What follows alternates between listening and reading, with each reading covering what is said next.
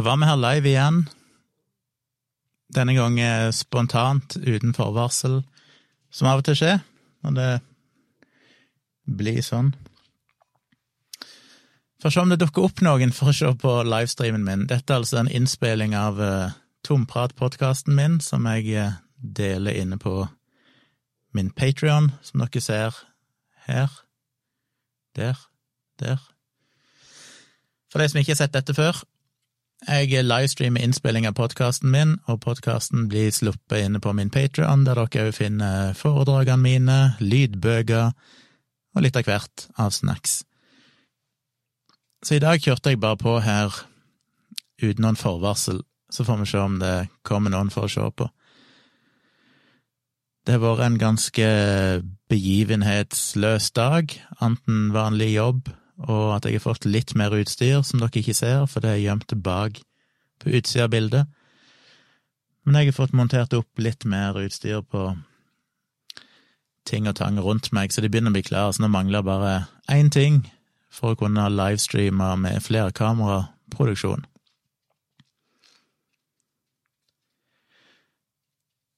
Hei, Marius, det var hyggelig. Marius skriver Hei, Gunnar, har sett over ti episoder med tomprat de siste dagene. Digger podkasten din, har hørt på debrief i lang tid. Stå på. Ja, da må du høre dialogisk, om kanskje du mente. Dialogisk podkast med meg og Dag Sørås. Dag har sin egen podkast som heter Debrif med Dag. Og så har jeg denne podkasten som er mye, mye mindre, fordi jeg bare har hatt den inne på Patron så det er kun de som er patron som får tilgang til den. Men takk for det, Marius, det var hyggelig å høre. Skal vi se hvor muspekerne mine er. Der var den. Det jeg tenkte å gjøre i dag, var at um, jeg har jo en blogg som sikkert mange kjenner til, som ligger på tjomli.com. Uh, der har jeg jo etter hvert Den, den starta vel i 2005, eller noe sånt. Har ikke vært så aktiv der de siste par årene, men fram til da så blogga jeg ganske hyppig. Jeg hadde vel i snitt et par bloggposter i uka som var mer eller mindre omfattende. Og det nærmer seg jo, jeg tror det er 1800, litt over 1800, kanskje 1900 bloggposter der inne. Og jeg husker jo veldig lite av det jeg har skrevet. Det er en og annen bloggpost som står ut, som jeg husker. Men i stor grad så har jeg jo glemt vekk hva jeg har blogga om. Så av og til så dukker det jo opp en bloggpost ifra eh, glemselen. Og en eks av meg, min eks, hun sendte meg plutselig link til en av mine gamle bloggposter som hun syntes var fin. Og så hadde jeg helt glemt den vekk, og så bare henta jeg den opp og kikka på den uten å lese den, men bare måtte se hva, hva den handler om, og så sier jeg å ja, ja, ok, så husker jeg den igjen. Og det var altså en blogg på som heter Skeptikerens hemningsløse ydmykhet. Og det er litt gøy, for det er jo en del ting jeg snakker om nå, og jeg skrev om i bøkene mine, og snakker om i foredrag og, og i podkaster, som er tanker som ofte går lenger tilbake enn det jeg husker sjøl. Jeg, det er tydeligvis ting jeg ikke har tenkt tidligere, og så er det på en måte bare leie og kverna litt i bakhodet. Og denne bloggposten skrev jeg på en litt eh, litt spesiell dato, ser jeg nå. 21. juli 2011. Dagen før det smalt i Oslo. Så publiserte jeg denne uten å ane hva som venta meg dagen etterpå. Jeg drikker litt blandingskaffe her, måtte bruke opp en pose av en, en kaffe vi hadde, blanda med litt julekaffe. Så det jeg hadde litt lyst til å gjøre, det var rett og slett å lese den bloggposten, og så kanskje stoppe opp underveis hvis jeg har noen betraktninger med tanke på har jeg endra mening om noe siden den gang. Eh, er det noe jeg vil utbrodere om? Jeg vet ikke. Den er relativt lang, som de ofte er, de tingene jeg skriver. Men han kom altså i 2011, så han nærmer seg jo ikke så Han er over ti år gammel. Nei, snart ti år gammel. Og Den heter altså Skeptikerens hemningsløse ydmykhet.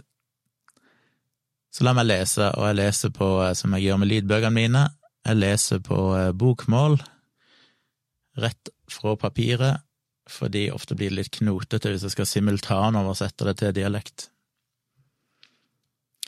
Og den går som følger. En artikkel på Nyhetsspeilet med tittelen Skeptikerens hemningsløse naivitet har skapt stor glede i leiren til alternativtilhengere. I artikkelen finner vi den etter hvert litt utslitte retorikk om at alternativtilhengere og de som tror på paranormale fenomener og store konspirasjonsteorier, er de ekte skeptikerne i gåsehudet. Fordi de er skeptiske til alle etablerte sannheter og går utenfor mainstream i sitt syn på verden rundt seg. Vi som kaller oss skeptikere i tradisjonell forstand, er derimot ikke skeptiske nok, fordi vi stoler på autoriteter og forskning. Eller med artikkelforfatter Gard Gulbrandsens egne ord, sitat. Den ekte skeptikeren, skeptikeren, er komfortabel og trygg nok på seg selv til at han, hun, kan leve med at alt er sannsynligheter, unntatt det du selv har erfart som 100% sant. Den falske skeptikeren derimot er så usikker og utrygg på seg selv at han, hun må klamre seg til kunnskap fra autoritære kilder for å føle seg på trygg grunn. Den feige og falske skeptikeren inntar alltid en egoposisjon hvor han, hun garantert har flertallet i ryggen. På den måten kan den falske skeptikeren med hele samfunnet og vitenskapen i ryggen lene seg på den ekte skeptikeren og påklebe ham merkelappen konspirasjonsteoretiker med en lett hånlig mine eller et falskt usikkert flir. Sitat slutt. Dette er faktisk en god oppsummering av forskjellen på de to ulike tilnærmingene til verden som skeptikere og alternativtilhengere står for. Jeg har derfor lyst til å si noen ord om hva jeg mener definisjonen av en skeptiker er. Ydmykhet for meg handler skeptisisme først og fremst om ydmykhet. Det høres kanskje rart ut for mange, for vi skeptikere er ofte plagsomme bedrevitere med en slitsom trang til å knuse myter og korrigere folks feiloppfatninger. Vi er ikke mer ydmyke overfor andre mennesker enn det folk flest er. I oppførsel og personlighet er vi nok like mangfoldige som alle andre, men en god skeptiker må være usedvanlig ydmyk overfor individets egne begrensninger. En god skeptiker må anerkjenne at de metodene vi bruker for å finne ut hva som er riktige beskrivelser av verden, altfor lett påvirkes av våre egne ønsker, erfaringer, forutinntatthet, kunnskapsløshet og forvrengte sansebilder av virkeligheten vi er en del av. Først når man anerkjenner dette faktum, kan man kalle seg en skeptiker, og det er her veiene til alternativtilhengere og oss selverklærte skeptikere skilles. Alternativtilhengere synes å ha en overdreven tro på sin egen evne til å se sannheten, utelukkende gjennom subjektive resonnement basert på kunnskap tilegnet via ulike selektive kilder, eller gjennom egne opplevelser som de alltid mener representerer den hele og fulle, objektive virkelighet slik alle burde sanse den, om de bare var like åpne som dem. La meg gå litt mer i detalj om hva jeg mener når jeg snakker om mine begrensninger som jeg hele tiden må ta hensyn til når jeg skal finne ut noe om verden rundt meg. Ekspertise For det første kan ingen av oss være eksperter på alt. Mange av oss er eksperter innen ett fagfelt, ja, kanskje til og med to eller tre, men det aller meste er vi ikke eksperter på. Det finnes også grader av ekspertise, jeg kan kalle meg en ekspert innen IT fordi jeg jobber profesjonelt med dette, men samtidig er jeg ydmyk overfor at jeg kan svært lite sammenlignet med mange andre eksperter, selv innen de snevre områder av IT som jeg jobber mest med. Hva er konsekvensen av dette? Jo, hvis jeg skal uttale meg om global oppvarming, hvem som sto bak terrorangrepene mot USA 11. september 2001, effekten og tryggheten til vaksiner, homøopatiens effekt, evolusjon versus kreasjonisme eller andre tema, så må jeg lene meg til det som de beste eksperter på området samlet sett har blitt enige om er den mest sannsynlige sannhet basert på tilgjengelige data. Jeg kan selvsagt sitte i måneder og år og se YouTube-videoer, lese bøker og lese artikler på nett, men selv om jeg på egen hånd opparbeider meg mye kunnskap om et tema, vil jeg likevel bare være én person, målt mot som regel titusenvis av andre eksperter som gjennom en utveksling av kunnskap og data via fagfellevurderte, publiserte forskningsrapporter har dannet teorier med mye tyngde bak. Det vil være arrogant av meg å hevde at jeg har funnet sannheten, mens alle disse andre menneskene, som ofte har brukt et helt liv på å fordype seg i materien, tar fullstendig feil. Dette mener Gulbrandsen er en svakhet, en feighet, en redsel for å bryte ut fra det allment aksepterte. Jeg mener det er en styrke. Det handler om å innse sine egne begrensninger og ikke tro at man selv vet alt best ut fra den mikroskopiske, lille og snevre bit av kunnskap og viten man selv kan besitte. En ekte skeptiker går dit dataene leder, men datagrunnlaget kan selvsagt endre seg over tid. Sannheter er ofte midlertidige. Nye data kan gi grunnlag for nye hypoteser som må testes, og som kan føre til at nye teorier etableres. Men inntil nye data foreligger, er det arrogant å tro at man selv kan vite bedre enn hva det vitenskapelige flertall har konkludert med. Det handler ikke om å følge strømmen eller tro blindt. Man skal gjøre sitt beste for å utforske, kritisere og analysere på egen hånd men når man kommer til en konklusjon som avviker fra det vitenskapelige flertall, må man tørre å stille seg spørsmålene hva er det jeg overser, hva er det jeg ikke vet, hva er det jeg ikke forstår? Man må være hundre ganger mer kritisk til seg selv enn til den de man mener tar feil. Sannsynligheten for at man selv har oppdaget noe som fagfolkene ikke allerede har tenkt på eller analysert, er forsvinnende liten. Det handler om ydmykhet, Newton var et geni. Einstein var et geni. Jeg er ikke det. Det er neppe du heller. Sanser Et annet og minst like viktig område er de enorme begrensninger vi har i å oppleve virkeligheten rundt oss på noen som helst korrekt måte, i den grad det gjør noen mening i det hele tatt. De fleste av oss tror at det vi ser, hører, føler, lukter og smaker, representerer en objektiv virkelighet, verden slik den er. Det er en vrangforestilling. Alt vi sanser er bare død og nøytral input til hjernen vår, som deretter konstruerer en levende virkelighet basert på forventninger, tidligere erfaringer og praktiske hensyn. Det er denne konstruerte virkeligheten vi opplever som virkelig. Det meste av det vi sanser, filtreres bort for ikke å gi oss informasjonsoverbelastning, en stor del av det vi tror vi sanser, er bare tomrom som fylles av en virkelighet konstruert av hjernen. Hjernen produserer vår virkelighet, men jorder den i sanseinntrykkene fra den fysiske virkelighet rundt oss. Våre sanser er som en blekkspruts tentakler som føler på den fysiske virkelighet, og på den måten pusser ned kantene av den mer grenseløse virkelighet som hjernen er i stand til å konstruere.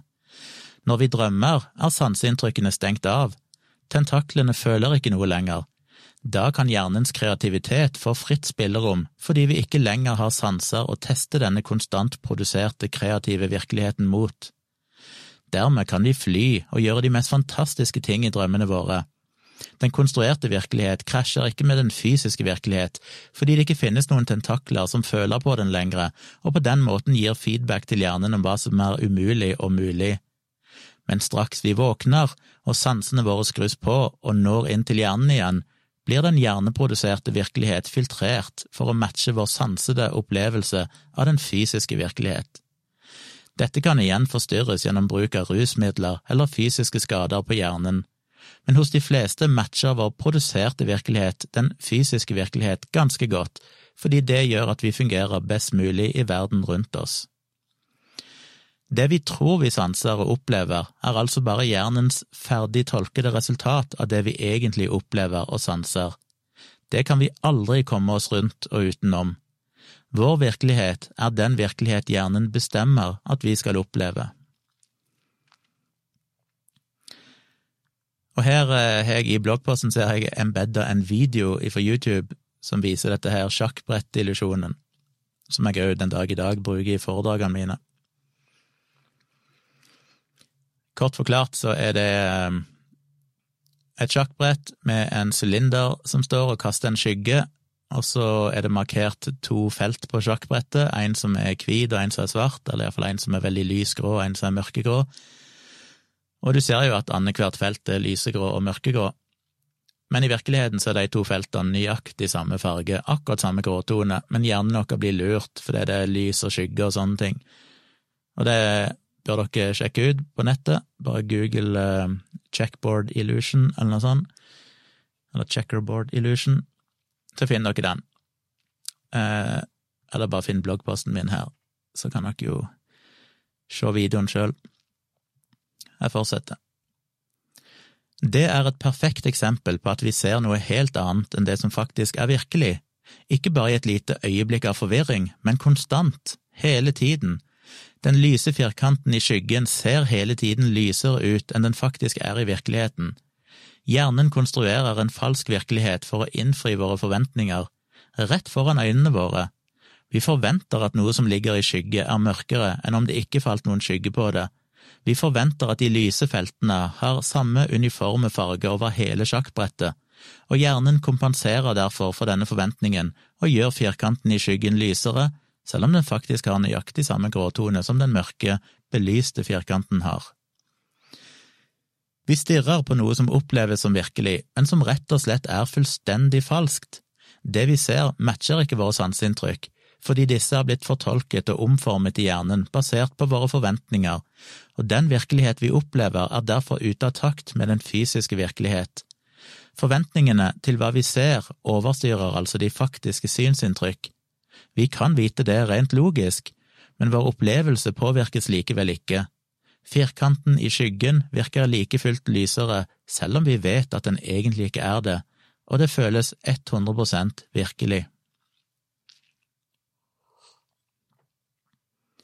De fleste skeptikere jeg kjenner, er smertelig klar over dette. Vi vet at vår observasjonsevne er uhyre begrenset. Vi vet for eksempel at øyevitneskildringer av dramatiske hendelser kan være fullstendig motstridende, selv om alle sverger til at de gjengir hendelsen nøyaktig slik den ser, ser den for seg i hukommelsen. Hukommelse Vi diskuterte nettopp dette i familien min, Min bestefar døde for over 20 år siden, og vi har alle ulike minner av hvor vi var idet han åndet ut. Helt motstridende ideer, men alle er like sikre på at de husker det riktig. Min mor mener at hun sto på kjøkkenet med bestemor. Jeg husker helt tydelig at da han hadde trukket sitt siste åndedrag, løp jeg ut på trappa og ropte til mamma og bestemor som kom gående på gårdstuene på vei fra fjøset, at bestefar er død, og at mamma spontant brøt ut i gråt. Hun husker altså noe helt annet, begge ser det tydelig for seg. To ulike scenarioer av samme hendelse som oppleves fullstendig virkelige for oss begge. En av oss, eller begge, må ta feil, uansett hvor levende vi husker det. Hukommelsen er ikke et filmopptak som lagres i hjernen og kan spilles av ved en senere anledning. Hukommelsen synes derimot å lagre en kakofoni av følelser, bilder og sanseinntrykk med separate elementer som over tid forsterkes og glemmes og blandes sammen med andre minner, slik at når man skal hente frem noe fra fortiden, må dette rekonstrueres fra mange ulike deler som er påvirket og formet over tid. Hukommelsen er ekstremt upålitelig, selv etter kort tid, og uansett hvor sant og virkelig et minne virker for oss, kan vi aldri si med sikkerhet at ting faktisk skjedde slik man føler så intenst er riktig. Forsøk gjort av blant annet Elizabeth Loftus har vist hvor enkelt man kan plante falske barndomsminner inn i hoder på en del mennesker, bare ved å stille dem noen ledende spørsmål om en fiktiv hendelse. Det er fascinerende, men vi, vi må huske at dette gjelder oss alle. Vi kan alle la oss lure, selv om vi tror at vår hukommelse og våre sanser er ufeilbarlige. Det finnes ingen måte å skille en korrekt husket opplevelse fra en falskt husket opplevelse rent emosjonelt. Begge deler føles like virkelig, og det er nesten umulig for mange å akseptere. Men en skeptiker må akseptere det. En ekte skeptiker må også mer enn bare erkjenne dette faktum. Skeptikeren må være ydmyk nok til å innse at det gjelder også for en selv, det er lett å peke ut denne type svakheter for andre, men å bruke kunnskapen på seg selv og sine egne opplevelser krever mye. Det er iblant nesten umulig å overprøve det man opplever som virkelig, det man husker som virkelig, med kunnskapen om at det med stor sannsynlighet er feil. men det må altså en god skeptiker til stadighet være ydmyk nok til å gjøre. Det skiller oss vesentlig fra alternativtilhengere, som synes å opphøye sin egen subjektive virkelighet til sannhet i enhver debatt.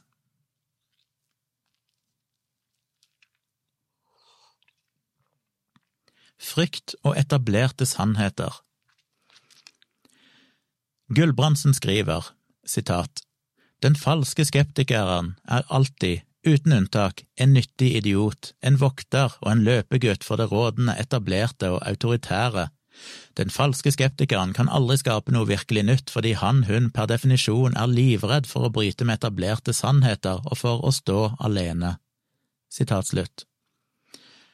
Før han hitler artikkelen ved å sammenligne oss med nazister, et klassisk tegn på at man sliter litt med argumentasjonen.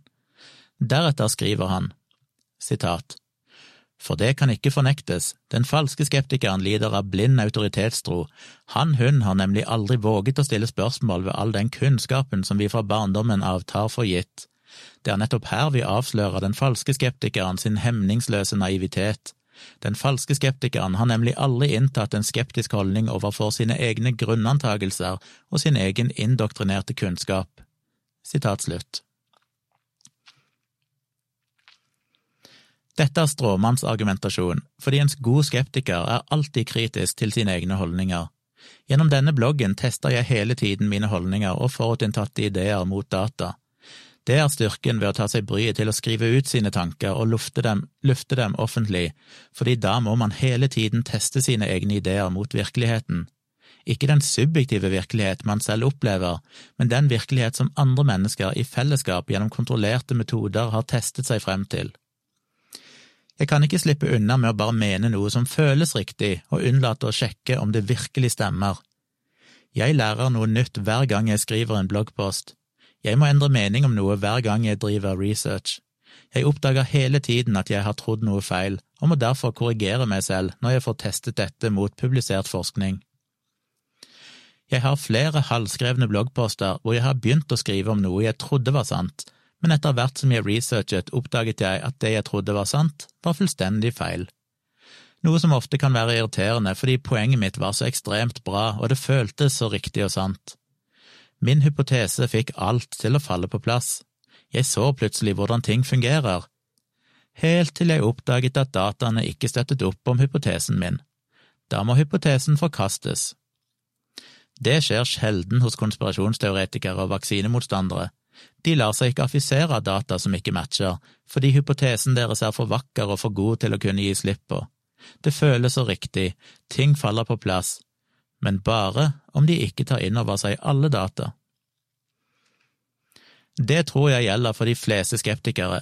Jeg kjenner ikke en eneste skeptiker som ikke har en forhistorie hvor han eller hun trodde på spøkelser, fremmede besøk fra det ytre rom, ufoer, synske, telepati, nær døden-opplevelser osv.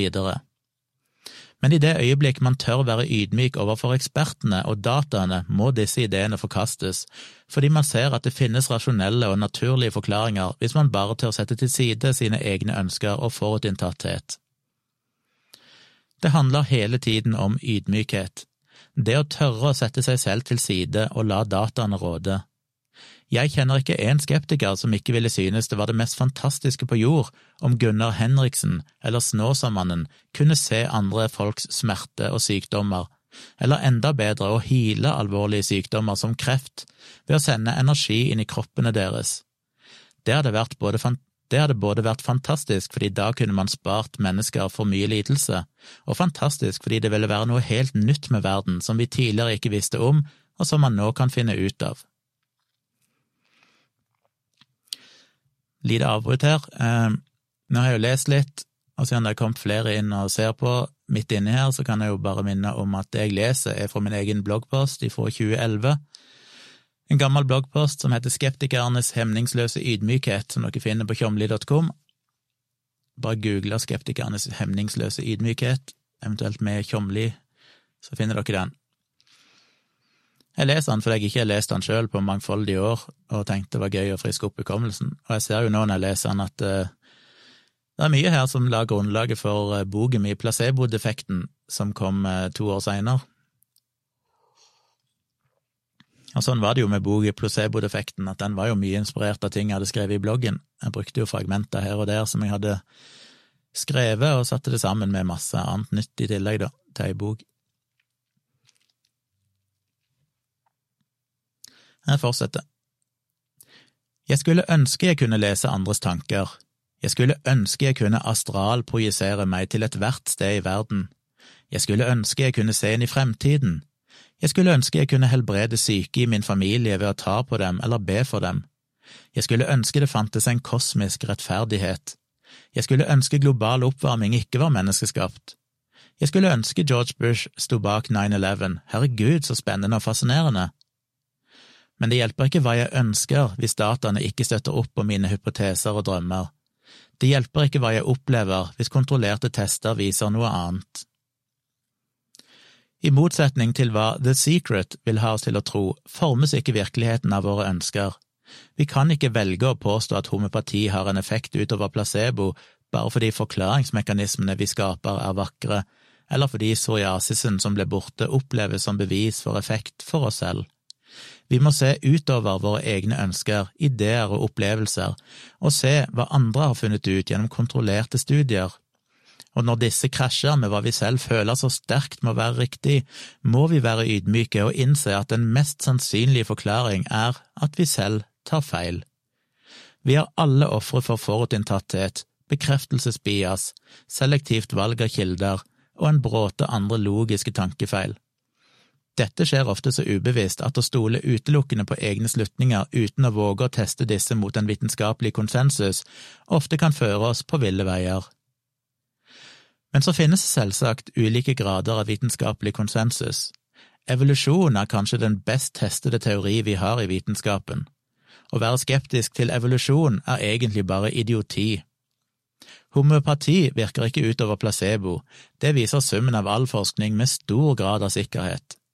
Å tro at homopati virker gjennom vannets hukommelse eller kvantevibrasjoner, er idioti. Men er global oppvarming menneskeskapt? Med 90 sannsynlighet er den det, men graden av sikkerhet er mye lavere der enn når, der enn når det gjelder for eksempel evolusjon eller effekten av homopati. Er mobilstråling farlig ved langtidseksponering? De fleste data tyder på at det er helt ufarlig, men vi vet ikke sikkert. Her har den vitenskapelige konsensus mindre tyngde, fordi vi ennå mangler data eller god nok kunnskap til å tolke disse riktig. En god skeptiker vil likevel lene seg mot at global oppvarming er menneskeskapt, og at mobilstråling ikke er farlig, fordi dataene så langt peker i den retning. Men vi må være klar over at dette kan endre seg om fem eller ti år. Det gir likevel ingen mening, basert på alle de begrensninger jeg har ramset opp ovenfor, å konkludere med at global oppvarming ikke er menneskeskapt, eller at mobilstråling er farlig, fordi da velger man kilder selektivt og overser hva majoriteten av eksperter på området har konkludert med. Kilder Alternativtilhengere vil nå si de er enige med, er enig med meg. Selvsagt har vi våre begrensninger, selvsagt må vi lytte til ekspertene, men hvilke eksperter, og hvilke kilder skal vi bruke? De velger andre eksperter og andre kilder enn meg for å komme frem til sine slutninger. Det finnes studier som bekrefter ja, eh, det finnes studier som bekrefter deres opplevelser, og hvem er jeg til å si at disse ikke er like gode? Dette koker ned til metode og hvilke praktiske resultater dette metodevalget har gitt oss. Før andre verdenskrig ble lite medisinsk behandling testet i kontrollerte former. I den grad leger hjalp pasienter, var det i all hovedsak placeboeffekt. Dødeligheten var høy. Så begynte man rundt andre verdenskrig å teste behandlingsmetoder med randomiserte, dobbeltblinde, kontrollerte forsøk, og plutselig ble medisinsk behandling uendelig mer effektiv. Dødeligheten sank. Vi fikk et helt konkret bevis for at metodevalget var riktig.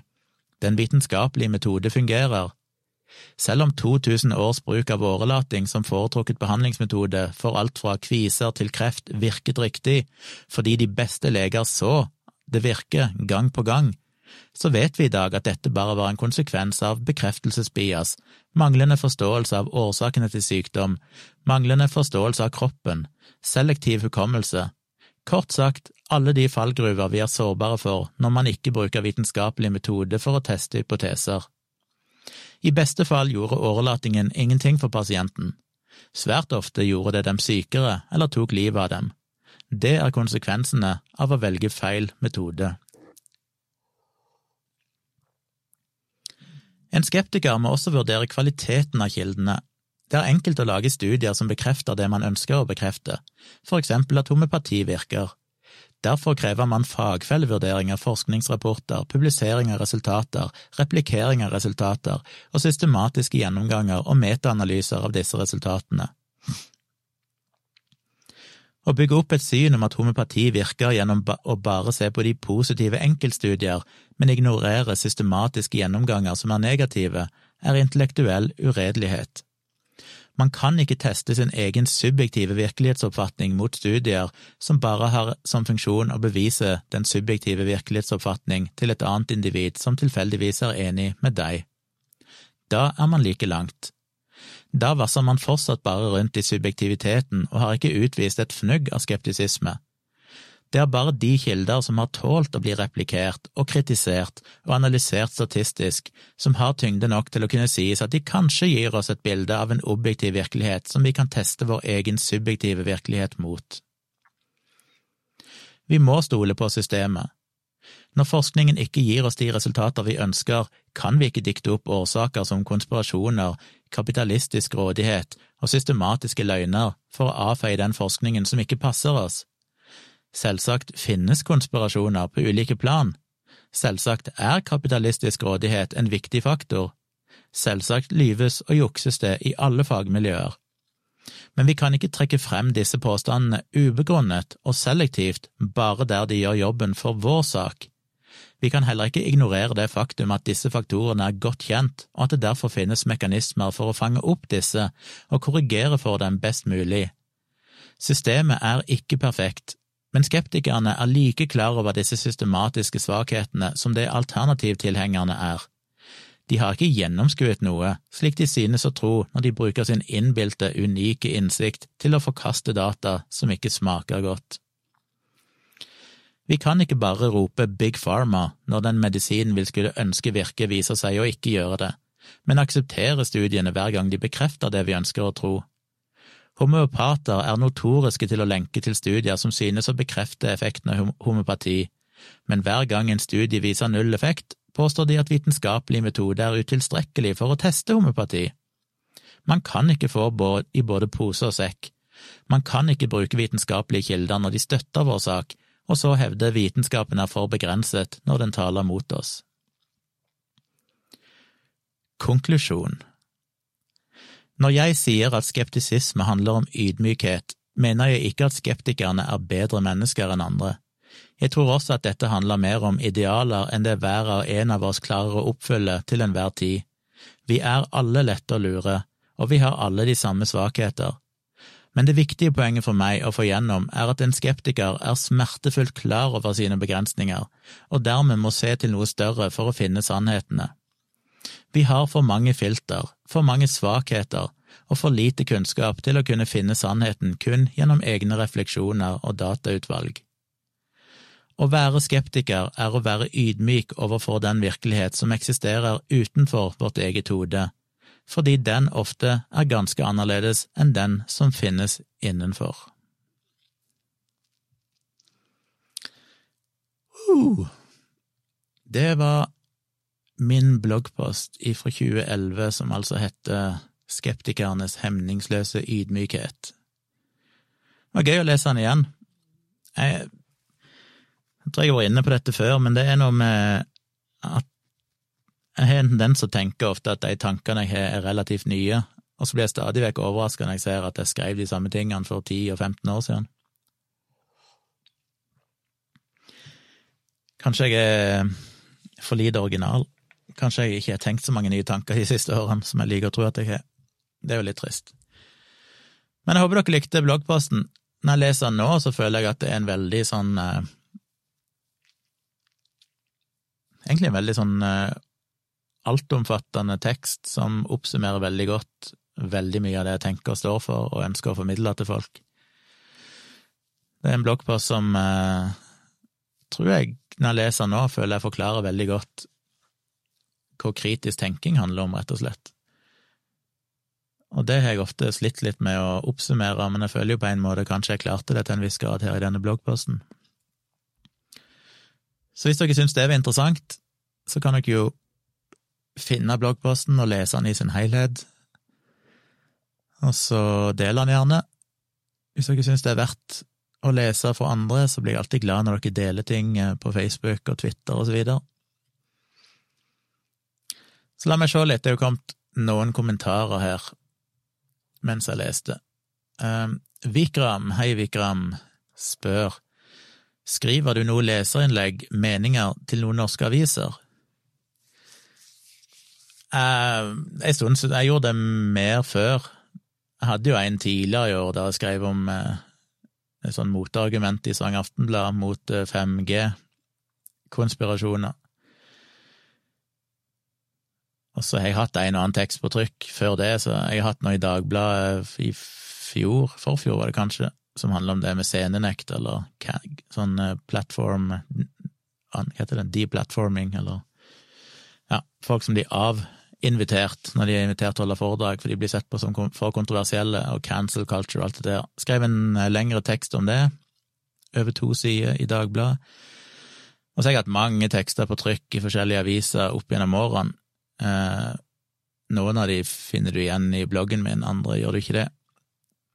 Mange finner en ved å bare google navnet mitt. Så finner en en del tekster rundt forbi. Men jeg er ikke en person som Jeg er ikke så veldig glad i Altså, for en del år siden så var det jo alltid superstas å bli spurt om å skrive i avisen og sånn, og jeg var mer enn glad for det, jeg hadde masse tekster på trykk på NRK Ytring og sånn, men uh, jeg vet ikke, jeg har vel til en viss grad blitt mer og mer kritisk til aviser, eller tradisjonelle medier, som en fornuftig debatt, debattplattform, fordi jeg føler at du har så mye begrensninger i bruk av kilder og lengden på teksten, at nesten uansett hvor godt du skriver, så vil det bli såpass komprimert og du får ikke virkelig gått inn og liksom argumentert for hvert eneste poeng med fakta og kilder, sånn som jeg gjør i bloggen, som ofte blir til lange tekster. Men det blir så komprimert at for 95% av de som leser det, så er det bare sånn ja, det var person X sin mening, og så skriver person Y en kronikk eller et leserinnlegg etterpå som sier det motsatte, og så er du enten uenig eller enig med den personen. Men jeg føler disse avistekstene er så dårlig egnet til å overbevise folk, det blir nesten bare preaching to the choir. Du har de som heier på den ene teksten, og så er det de som heier på den andre teksten. Men du får liksom ikke nok kjøtt på beinet, føler jeg, og jeg tror ikke engang én tekst, jeg tror ikke engang én lang tekst i bloggen min er nok til å overbevise noen, du må ha en serie med tekster over tid. Så jeg er ikke sånn superglad i uh, og spesielt ikke når media kommer og tar tekster fra sosiale medier, noen som har skrevet et eller annet på Twitter eller Facebook, og så blir det plutselig hei, kan ikke du eh, skrive dette om til en eh, tekst, så setter man på trykk i morgen? For det er jo blitt sånn helt feil format, og det blir bare å så frø til nye diskusjoner. Og det er jo det media lever av, det er jo evig krangling. Det er jo hele tida å prøve å finne tekster som provoserer, sånn at de kan få andre som blir provosert nok til å skrive en mottekst, og dermed så får de masse gratis innhold. Så selv om jeg selvfølgelig det er populære skribenter som skriver i avisene stadig vekk, og hylles for det, så tenker jeg ja, men de skri det de skriver er jo ikke nok substans til å være noe mer enn bare dette mente den personen. So what? Um, og de aller fleste tekster, leserinnlegg og kronikker er jo uten kilder, uten linker du kan klikke. Så det, jeg føler det er litt meningsløst. Det hender, sånn som den 5G-artikkelen jeg skrev eh, tidligere i år i Stavanger Aftenblad, var det tidligere i år, Tid i flyget? Jeg tror det. Den eh, Det var jo igjen en sånn øvelse, jeg skriver en tekst, da, den var jo mer den, den, skrev jeg bare fordi jeg syntes det var såpass viktig, og fordi jeg føler det er ingen andre som gjør den jobben.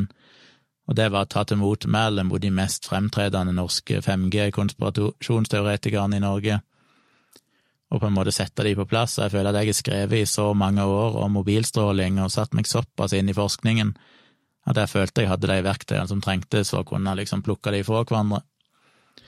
Men det er jo en øvelse, for du må komprimere det til x antall tegn for at det skal passe inn. Eh, heldigvis var de jo fleksible nok, de som skulle trykke dette. Jeg mener å huske at jeg hadde en litt kortere versjon som kom i papiravisen, og så tillot de en lengre versjon på nett, som de av og til gjør.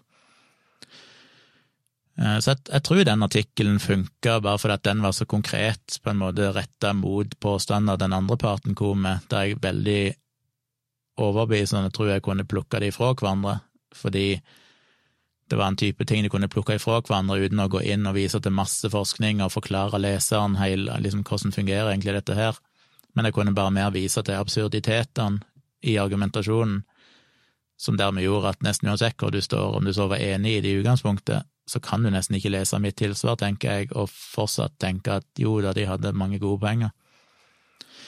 Så det føler jeg på en måte funker.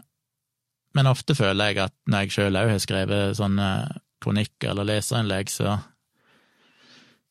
så blir det litt sånn at eh, de som er enig med meg, de heier på meg, syns det er kjempebra, og de som er enig med motparten, heier på motparten, og så er det egentlig ikke oppnådd noen ting, føler jeg. Og så er jeg litt forbanna på media, i den forstand at jeg føler de Jeg har en sånn trang til å egentlig gjøre ting, gjøre min egen greie.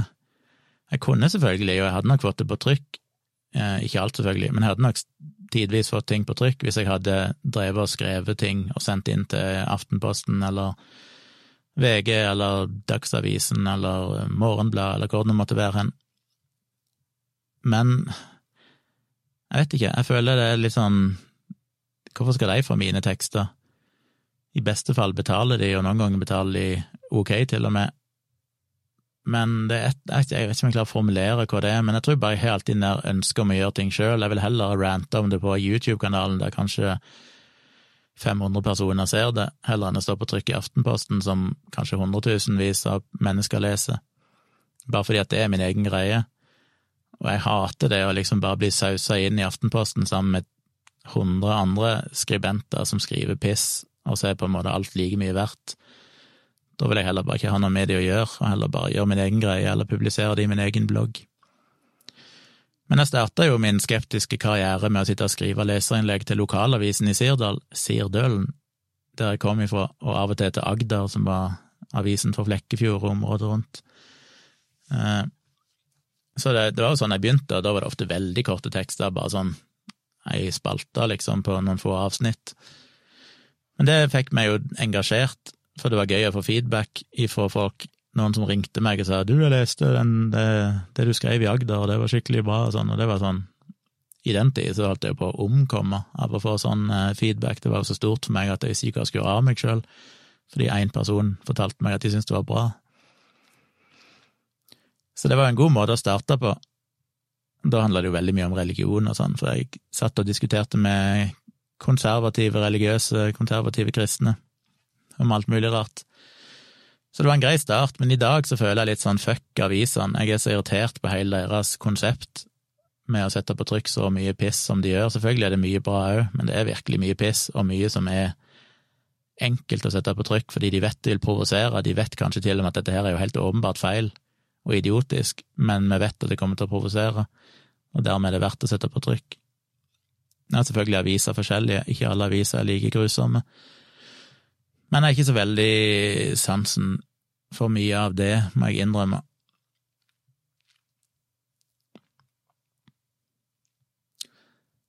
Eh, Andrea skriver 'jøss, jeg får med meg en sending direkte, så gøy'.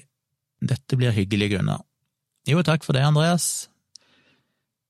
Jeg eh, som sagt varsla ikke denne sendingen i forkant, for jeg måtte bare gjøre det litt kjapt, så jeg bare gikk rett live og ofte er det folk som oppdager det, fordi folk abonnerer på kanalen min og får notification.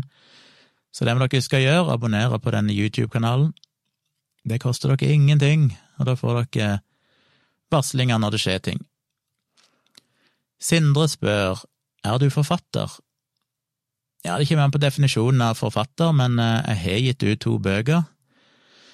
En som heter Placebo-defekten, hvorfor alternativ behandling virker som den virker, som altså er en bok om eh, vitenskap og kritisk tenking og et kritisk blikk på alternativindustrien, og mest av alt hvorfor eh, vi kan oppleve at behandlinger som ikke virker, virker likevel, fordi det er masse psykologiske fallgruver og statistiske fallgruver og mange måter vi lurer oss sjøl på. Og så skrev jeg ei bok litt seinere som heter Håndbok i krisemaksimering, som er mer et kritisk blikk på media og hvor lett det er å overdramatisere og krisemaksimere ting i aviser og nyheter som kanskje ikke egentlig er så veldig krise. Så der går jeg gjennom masse eksempler fra Norge på ting som har skjedd de siste årene, der jeg prøver å vise hva forskning og statistikk og sånn egentlig forteller dere. Så foreløpig er det de to bøkene jeg har skrevet. I bloggen min så har jeg som sagt skrevet 1800-1900 bloggposter, og det er så mye tekst at det visstnok tilsvarer ca. 35 romaner. Så kanskje en kan si at jeg har skrevet 35 romaner i mengde. Så jeg har skrevet mye, og i tillegg til bloggen så kommer jo leserinnlegg og ting jeg skrev i avisene tidligere, og for øvrig tusenvis på tusenvis av kommentarer sånn i sosiale medier. God kveld, Bjørn Egil og andre som ikke har noe annet å gjøre. Ja, det er derfor jeg er her, det er for å fylle tomrommet til dere som ikke har noe annet å gjøre. Gamle Oslo sier det er bra lyd, takk for det. Det håper jeg jo, så mye som jeg har investert av tid og penger etter hvert i å få dette studioet ganske bra. God kveld, Tindra. Hyggelig å se deg igjen. Olav skriver interessant at vi bare er ca 20 som følger med nå direkte, mens de sendingene som har vært klokken tre om natten, har hatt over 40. Ja, det er 36 nå, så det har økt litt, men som sagt, jeg varsla ikke denne i forkant. Men det var erfaringen sist gang òg, når jeg kjørte en tidligere livestream, at det faktisk ofte er færre folk. Jeg tror folk bare er opptatt med andre ting, og de ser ting på TV, og de er med familie, og de er ute, og de gjør litt av hvert. Ikke så mye ute nå, kanskje, i disse tidene, men eh, folk er gjerne opptatt, de er unger, og de alt mulig rart. Men den kjører på ganske seint, det er jo når folk, sånne særinger som meg, plutselig sitter der og har ingen forpliktelser, og så starter det en livestream, og så kan de følge med.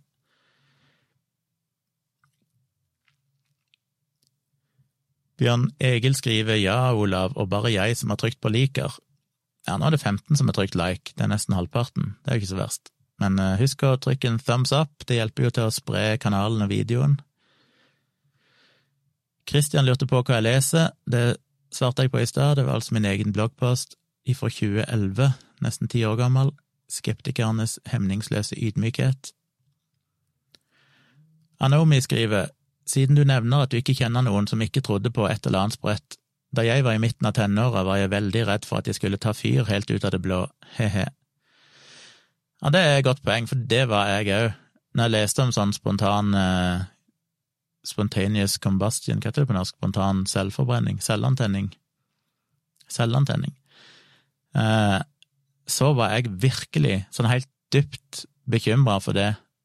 Nå er det vel ingenting i ettertid, selvfølgelig, som viser, som tyder på at det noensinne har skjedd, men jeg, før jeg ble kritisk nok, så leste jeg jo mye artikler rundt forbi. Jeg tror en av de tingene som fucka meg mest da jeg var ung, det var at vi abonnerte på dette bladet som heter Det Beste. Der lille A5-format, litt sånn tjukke, som det nesten ikke var bilder i, tror jeg det var bare tekst og masse historier. Og det slukte jo jeg, satt og leste det hver gang det kom en gang i måneden eller noe sånt. Og eh, Eller Readers Digest, heter det vel på engelsk. Og det visste jo ikke jeg var masse bullshit. Jeg tenkte jo at når du får ei sånn blekka i posten som heter Det beste, og liksom ser seriøst ut, så er dette sanne historier. Men der var det jo litt av hvert. Så jeg tror jeg begynte å tro på mye rare ting etter å ha lest, Det beste. Og jeg husker ikke om det var der eller andre plasser jeg leste om sånn selvantenning, men jeg var virkelig redd for det. Jeg fikk litt sånn angst nesten, fordi at jeg var så redd for å bare plutselig begynne å brenne, hvis ikke hva jeg skulle gjøre hvis, hvis det skjedde en god grunn til å bli skeptisk og researche litt bedre og oppdage at det bare er bullshit, så slipper en å være redd for sånt. God kveld, Solveig. Hyggelig å se deg igjen. Anomi skriver du bør vurdere å lese inn hver bloggpost du lager. Ja, det er jo en tanke jeg har hatt i mange år, egentlig. Jeg gjorde jo det med den saksynte podkasten min, Da hadde jeg en del episoder der jeg bare leste inn bloggposter. Men så orka jeg ikke det mer, og det var litt fordi at da ble jeg for kritisk, for da leste jeg det inn, og hvis jeg sa noe feil, så måtte jeg liksom lese det inn på nytt, og så drive og redigere og sånn, så det tok himla lang tid. Eh, det gjorde jeg jo ikke når jeg leste inn bøkene mine, da bare leste jeg de inn på én take over mange kvelder, da, for det tar jo mange timer å lese. Og så leste jeg jo feil her og der og måtte gjenta meg sjøl, og sånn, men tenkte fuck it, det får bare være, folk skjønner at dette er live, liksom.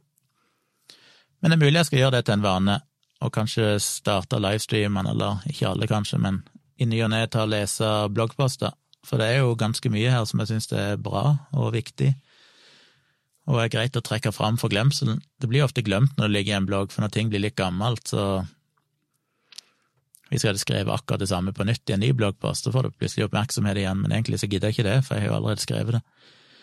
Men det å lese det opp og gjøre det tilgjengelig på YouTube er jo definitivt, eh, og for så vidt podkasten min, er jo eh, en god idé som jeg også tenkte på mens jeg leste denne, og tenkte shit, dette her må jeg jo egentlig gjøre oftere.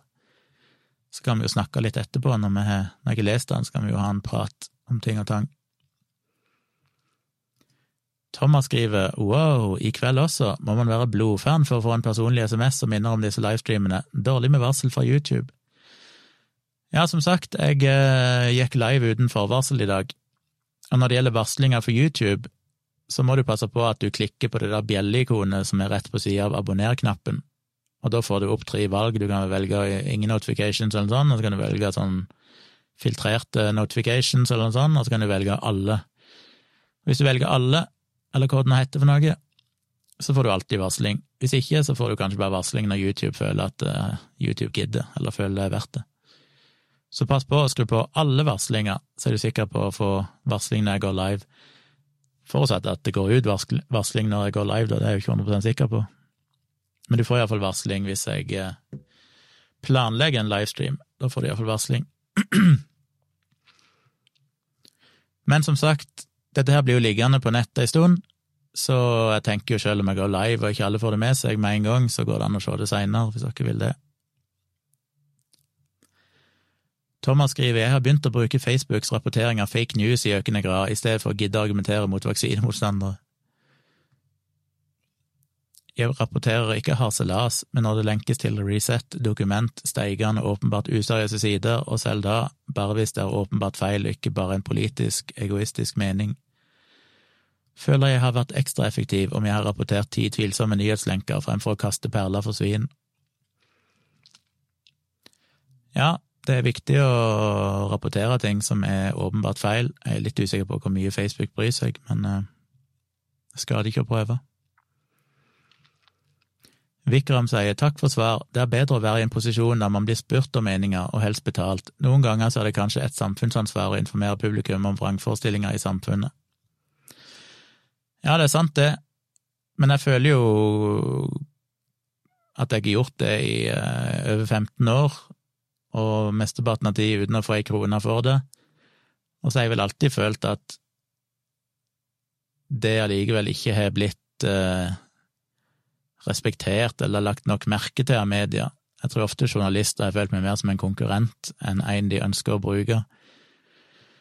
Og det irriterer meg litt, for det virker jo bare som at det, det handler jo ikke om innholdet i det du skriver, det handler jo om hvem du er, i veldig stor grad.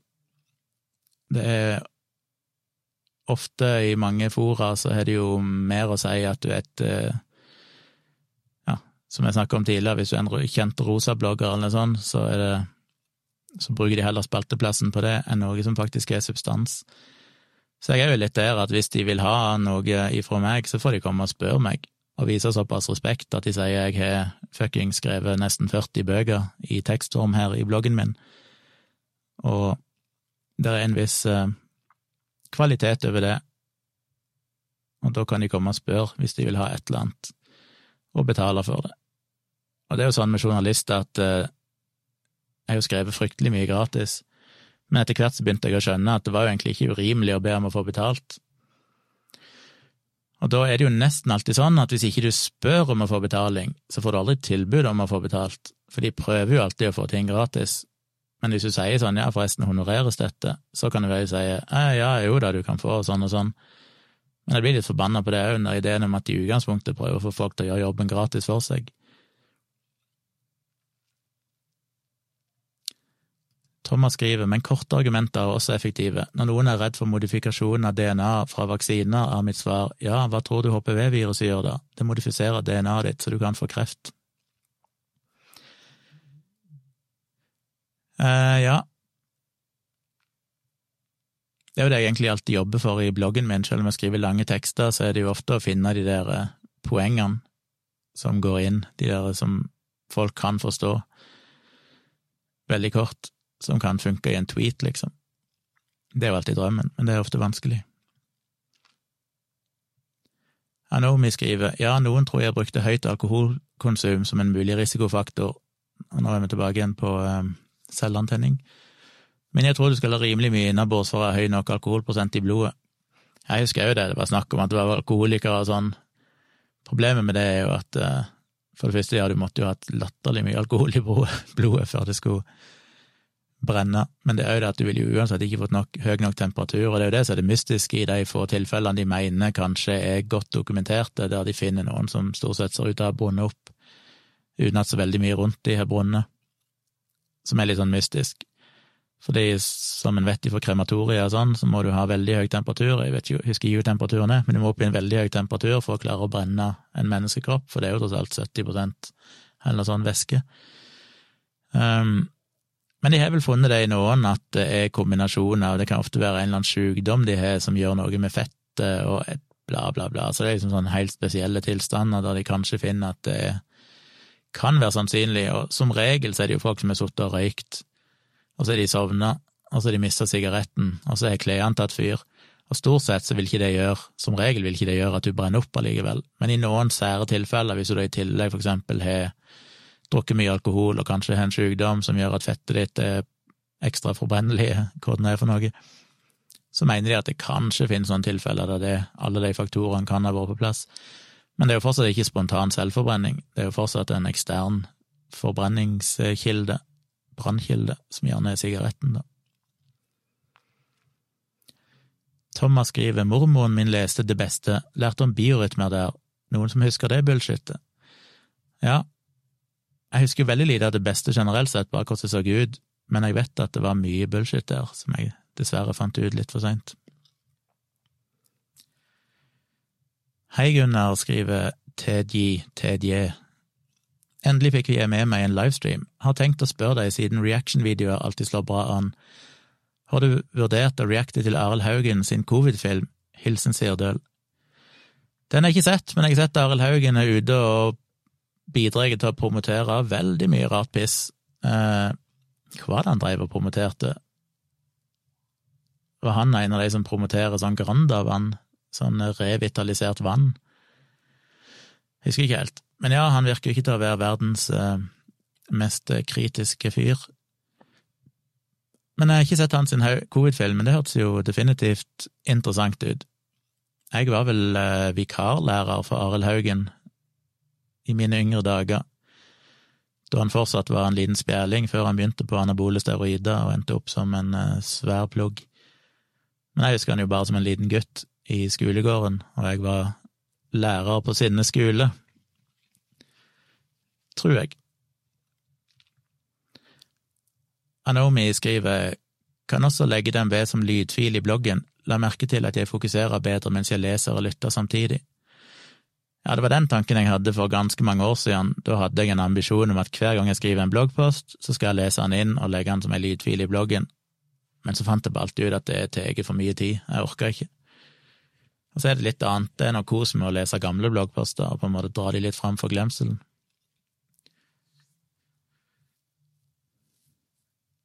Hakkmeksul skriver god kveld, ser du rocka gaming-musematter over alle musematter, Steel Series QCK pluss?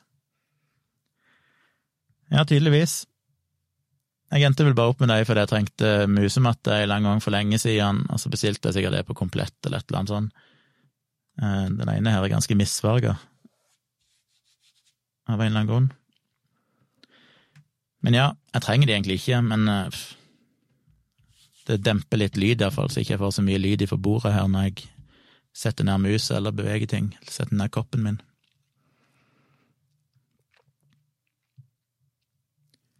Thomas skriver biorhythms er fortsatt en greie, 40 år etter at de leste om det i det beste. Å ja da, sånne ting dør aldri. Hakmeksul skriver kan anbefale QCK pluss Heavy til neste gang du skal la ny. Samme matte, samme størrelse, men noe tykkere, enda mer comfy forhandlet. Ja, som sagt, jeg bruker den ikke av verken komfort eller noen ting. I gamle dager så var det jo greit med musematte, fordi mus fungerte så dårlig hvis ikke du hadde godt underlag.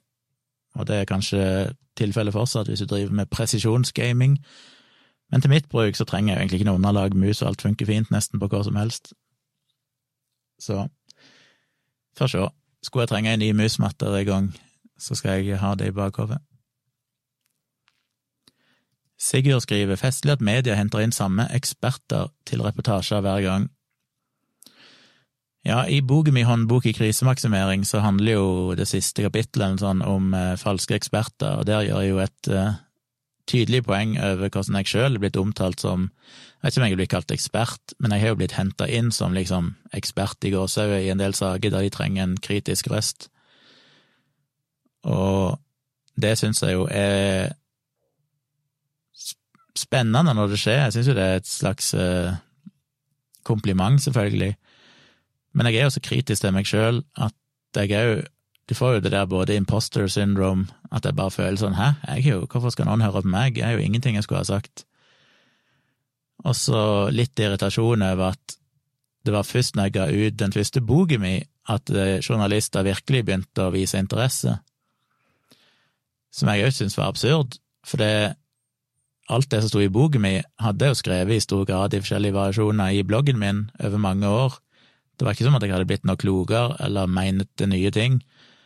Men det er vel bare et eller annet med mentaliteten til folk, at hvis du har gitt ut ei bok, så er du liksom mer seriøs, som er ganske absurd, for når du tenker på hvor mange idiotiske bøker som blir skrevet i dette landet og publisert hvert eneste fuckings år, som bare inneholder svada fra folk som ikke kan noen ting om noen ting, men allikevel klarer å formulere ei tekst nok til ei bok og få gitt det ut til dumme folk som tror at de har en eller annen sannhet, så burde jo virkelig ikke det å gi ut bok være noe som helst kvalitetsstempel.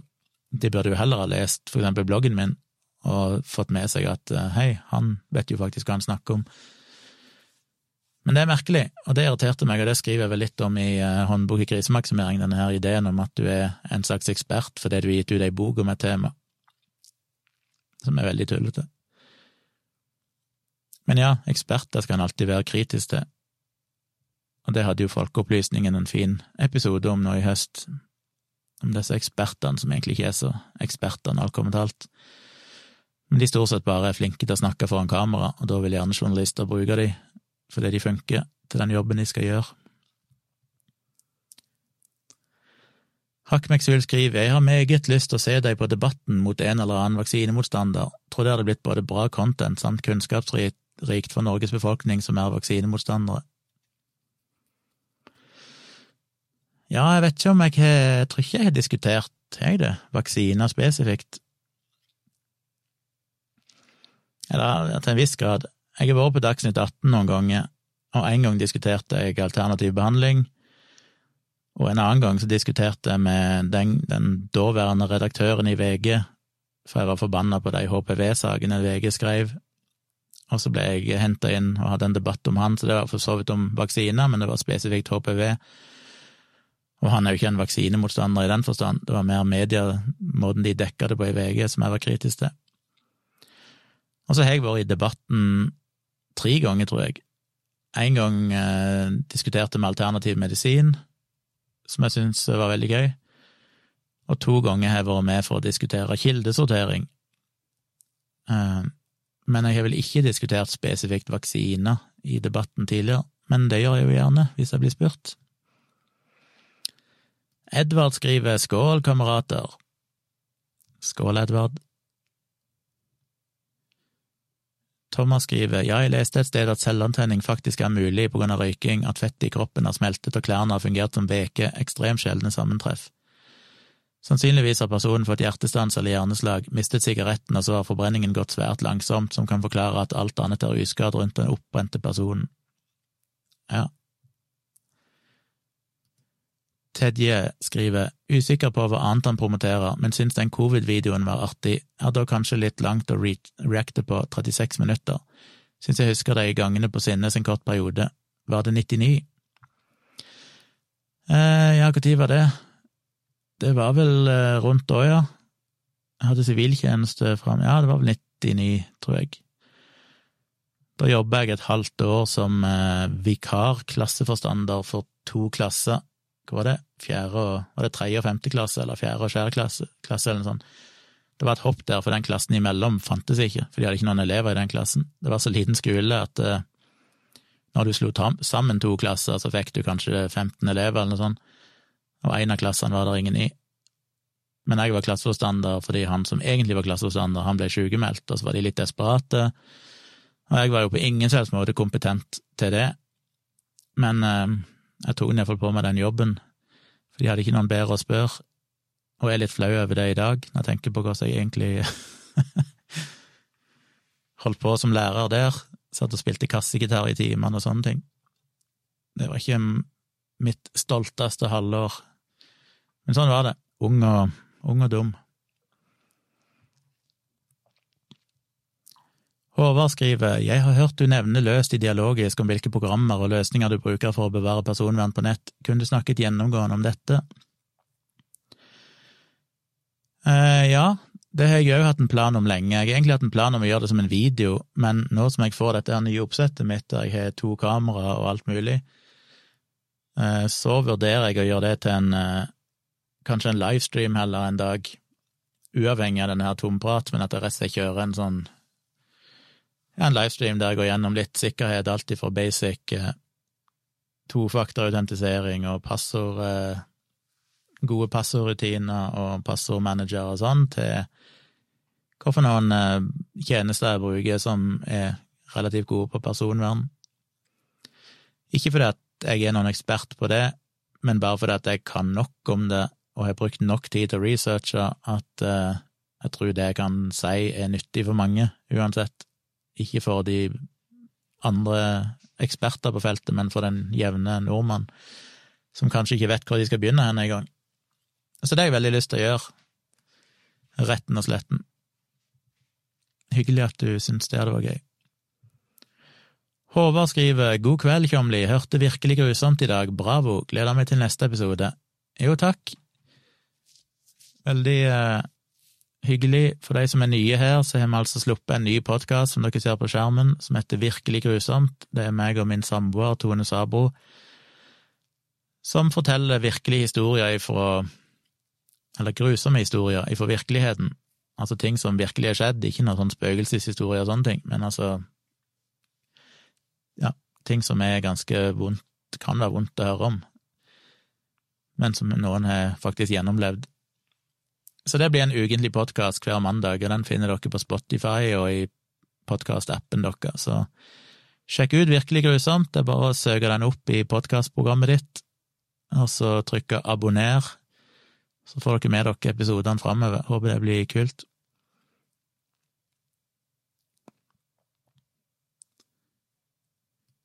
Sigurd skriver hvilke andre typer medier bruker du, tenker typ steder som refererer til andre ting du har skrevet, gjort, jeg vet ikke om jeg skjønte. Tenker typ steder som refererer til andre ting. Eh, jeg vet ikke om jeg skjønte det spørsmålet. Det må du forklare. Kanskje jeg bare er trøtt og litt dum. Hvilke andre typer medier bruker de? Nei, det skjønte jeg ikke. Du må omformulere det, Sigurd. Thomas eh, er ikke så glad i debatten,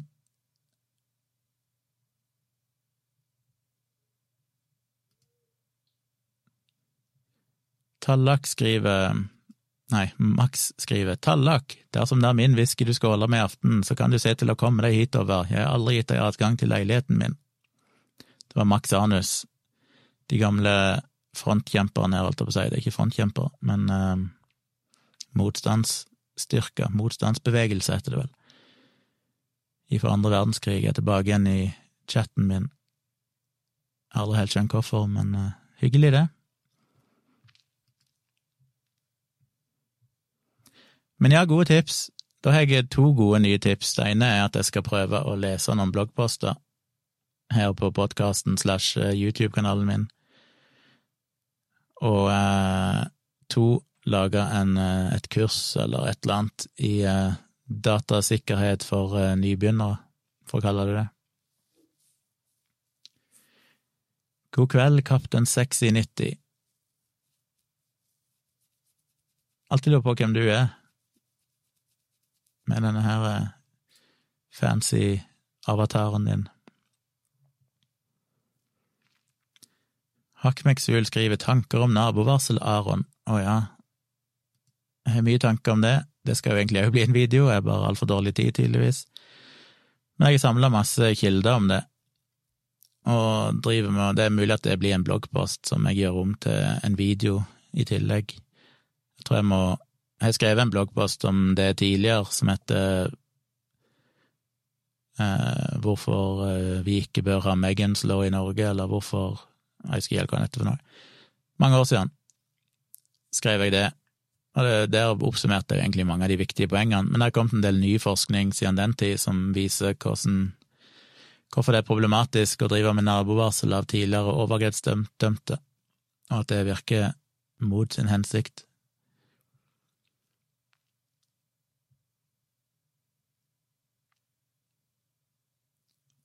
Kaptein Sexy90 skriver jeg var fyren som fikk deg til å selge bøker på Dialogisk Live i Oslo, fikk også klem av deg. Solgte jeg bøker på Dialogisk Live? Kan jeg ikke huske engang. Gjorde jeg det? Nei. Det er godt å være før covid-19-tidene, da, siden du fikk en klem. Hakkmeksul skriver er du i korte trekk motstander, eller støtter du hans arbeid? Jeg er sterk motstander. Fordi, eh, ja, jeg får ta det i en eventuell bloggpost og video, men eh, Hakmeksul skriver videre, jeg fikk med meg at i USA var det en del som faktisk likte at de lå ute med bilde og adresse på nettet, for da kunne naboene hans nå se at han var reformed og hadde skapt et nytt liv for seg selv. Ja, det tror jeg må være ganske sjeldent at de føler det. Jeg kan sikkert finne et eller annet eksempel, men uh, Thomas skriver mente å si at det ikke er hvem som helst som klarer seg i debatten, spesielt ikke om de er av den rolige og ettertenksomme typen som ønsker å bygge opp et argument langsomt og grundig. Nei, jeg er jo litt mer tilhenger av debatten, vel, for så vidt, enn jeg er av Dagsnytt 18. Jeg har jo vært i Dagsnytt 18 noen ganger, og sist uh, var jo ja, det er jo snart et år siden, før juli i fjor en gang, var det vel. Uh, da var jeg i Dagsnytt 18 Problemet er at du ofte får eh,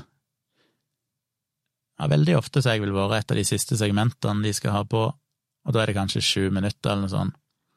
Så går det jo litt tid til at noen skal innlede saken, og så er det da to eller tre personer som skal snakke, og da får du ikke mye tid til å få sagt noen ting, så det blir jo egentlig bare at noen kommer i studio og presenterer sine synspunkter, og så er det jo ingen som blir noe klokere av det, enten at du eventuelt kanskje får et innblikk i ok, så dette er en debatt, og disse personene mener det, men so what? Debatten kan du få litt mer tid på, men det er litt vanskelig. Første gang jeg var med i debatten om alternativ behandling, da holdt jeg et foredrag i Bodø når jeg ble kontakta samme dagen og sa hei, kunne du tenkt deg å være med i debatten? Og så sa jeg det at du, jeg er i Bodø, skal til Oslo med fly i kveld, men jeg vet ikke om jeg rekker det. Så sjekka de litt tid og sånn, og så fant du jo, du rekker det hvis du bare hopper i en taxi på flyplassen og sier at NRK betaler, um, bare kom så fort du kan. Så gjorde jeg det, da. Hoppet i en taxi og sa til taxisjåføren så må vi være i en dårlig uh, gangsterfilm, det var liksom bare sånn kjør alt du kan til Marienlyst, jeg skal rekke et program som går live direkte. Og så kjørte vi, og så ble jeg jo så jeg jo at dette her rekker jeg jo ikke. Det begynte jo, hva var det, halv ni eller et eller annet sånt i den tida. Og klokka krøyp over halv, og så var klokka fem over halv, og jeg satt og sendte meldinger til han produsenten hele veien der, og du, jeg blir litt forsinka sånn, og regna med de kom til å si at ja, da får det bare være. Men de sa liksom nei, ok, men bare kom, liksom. Så når jeg kom der, så var det bare å hoppe ut av taxien og springe inn, og der sto noen og venta på meg, og så sprang vi gjennom gangene. Eh, jeg måtte skippe sminke, for jeg hadde ikke tid til å bli sminka og så var det bare rett inn, og da var jo programmet allerede begynt, med publikum i salen og alt mulig. Og så stilte de meg bare opp, liksom, bak eh, litt på sida, og så var det en tom plass. I den tida hadde de en sånn hestesko som de sto eh, med, og de var vel tre på hver side. Så var det én ledig plass der som jeg egentlig skulle stå på. Og så sørga de bare for at når kameraet filma motsatt side, så dytta de meg inn, liksom, så jeg kom på plass, og når kameraet kom tilbake igjen, så sto, det plutselig jeg der, uten at jeg hadde vært der tidligere. Men da var jeg ganske stressa, for da visste jeg ikke hva de snakka om, og bare følte at jeg jo ikke hodet på plass i det hele tatt. Men heldigvis var jo hun programlederen, jeg kommer ikke på navnet hennes nå, men hun kvinnelige som var der før, um, hun tok jo hensyn til det og lot liksom de andre snakka litt, før hun til slutt ga ordet til meg, og da var, sa hun heldigvis liksom at ja, du Kjomli, du kommer jo rett ifra flyplassen, eller rett ifra Bodø, som jeg syntes var litt deilig, for da skjønte iallfall seeren at det var en grunn til at jeg liksom kom litt heseblesende inn der. Men det følte jeg gikk veldig bra, da følte jeg jeg fikk sagt uh, ting, utfordra vel hun som var, var helseminister eller et eller annet i Frp, som sto på sida av meg, som jeg følte meg ganske tøff, som kom der og bare begynte å sette henne på plass med ting. Um, så det var en, en, gøy opplevelse. Og de to andre gangene har jeg som sagt vært der på tida, men diskutert noe helt annet. Men jeg husker den siste gang jeg var med i debatten og diskuterte kildesortering, eller det var mer spesifikt plast og mikroplast og sånne ting.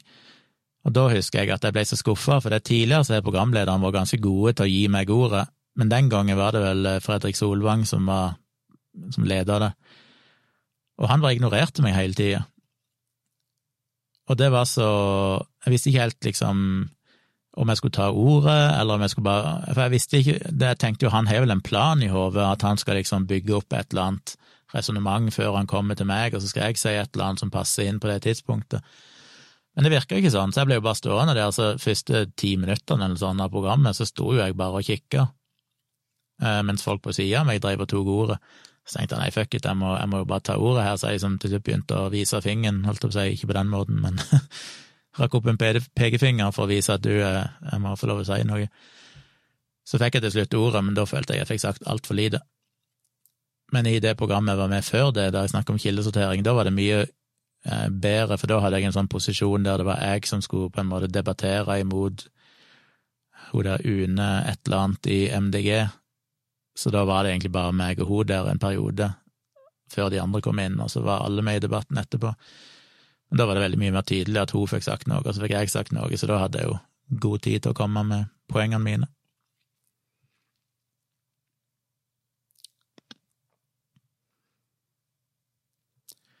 Men eh, ja, poenget var jo, Thomas, at de som klarer seg, er gjerne de som er litt eh, frampå.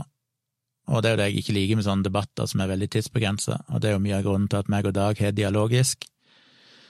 Fordi der skal det være god tid med én person som kan sitte i to timer, om de vil, og utbrodere, uten at det er noe krangling og masse motargumenter, men heller at én person kan få lov å fortelle hva de tenker.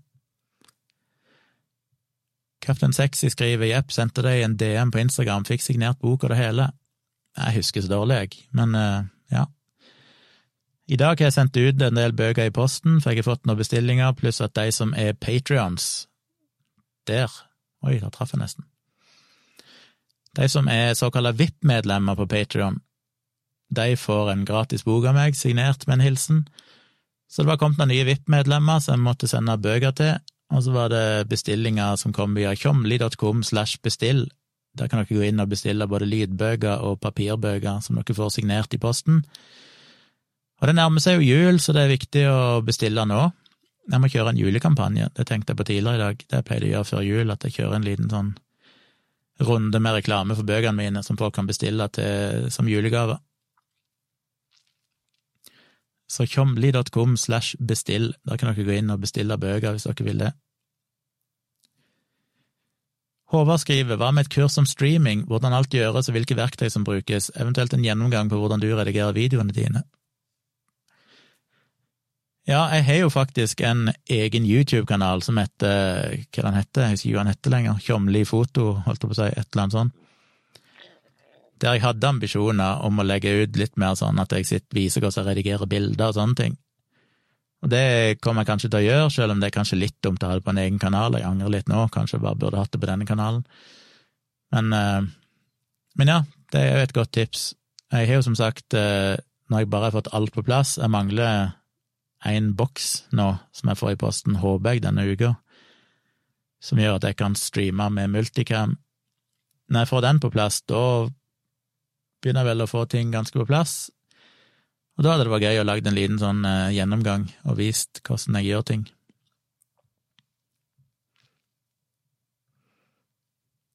Hakk McSuel skriver debatten får man mer tid på seg enn i Dagsnytt 18, for at Dagsnytt 18 er veldig rushed. Uh, ja, jeg er jo ikke noe veldig glad i Dagsnytt 18-formatet. Sist jeg var med når jeg diskuterte mikroplast, da fikk jeg nesten vondt, for de, de, ringer jo alltid fra NRK i forkant og snakker en del med deg for å høre litt om hva du mener, hva du har tenkt å si.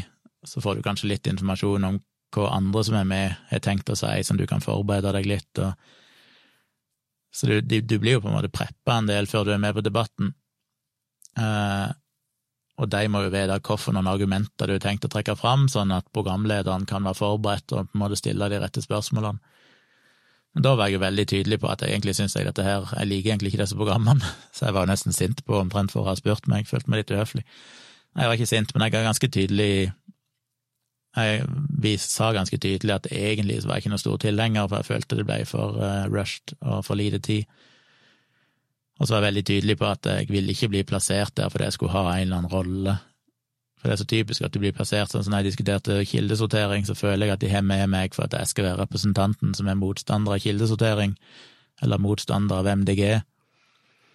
Så sier jeg det er jeg jo ikke, så det er veldig viktig at jeg får fram at liksom Jeg føler et uh, en del nyanser her som ikke alltid kommer fram, men det betyr ikke at jeg er uenig med MDG, eller noe sånt. Men det var de åpne for, liksom, ja ja, du måtte jo bare si uh. Men du blir jo en del preppa, og, men debatten er jo bedre, syns jeg, enn Dagsnytt 18. Hakk McSul spør var det debatten om plast, april 2018, gjorde et lynkvikt Google-søk. Ja, det stemmer. Først var det alternativ behandling, men det er mange år siden. Det var i 20... Når kan det ha vært? 14, 15, 16, et eller annet. Og så var jeg med i debatten om plast, og det er kanskje 2018. Tid i flyget. Og mellom der så hadde jeg en om, eh, om kildesortering på et eller annet tidspunkt. God aften, Sindre. Hyggelig at du er med oss.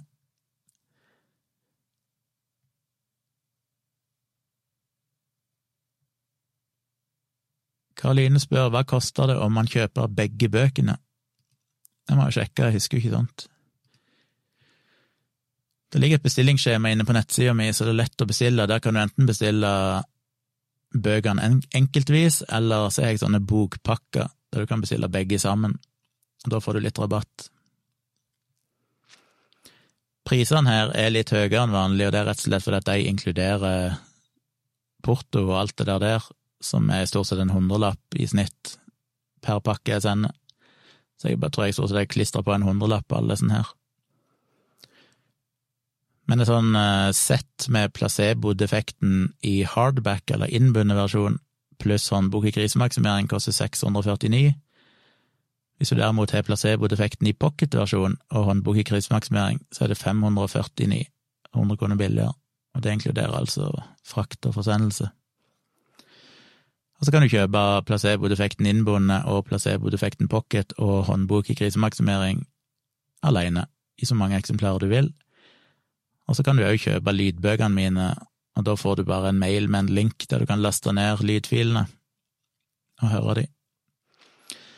Men det er jo faktisk billigere å bli Patrion. Hvis du heller støtter meg på Patrion, så får du tilgang til lydbøkene mine for en femtilapp. Hvis du kjøper de uten å være Patrion, så koster det en del mer. Men det ligger, alle priser ligger på tjomli.com slash bestill. Der finner du bestillingsskjema og priser.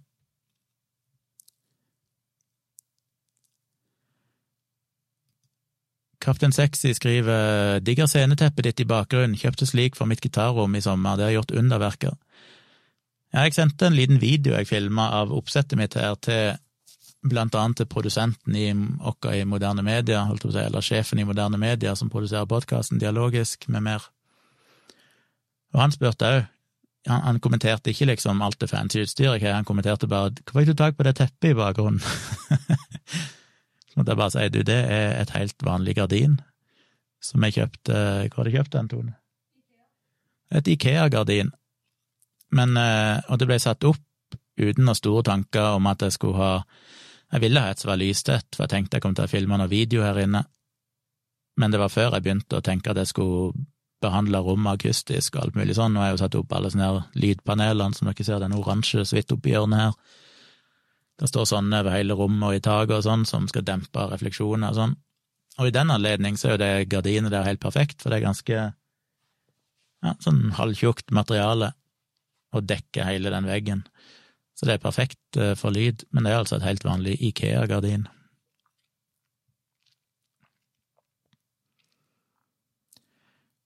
Karoline spør bruker du Lightroom til bilderedigering, og bruker du bestemte presets, eller hva det heter.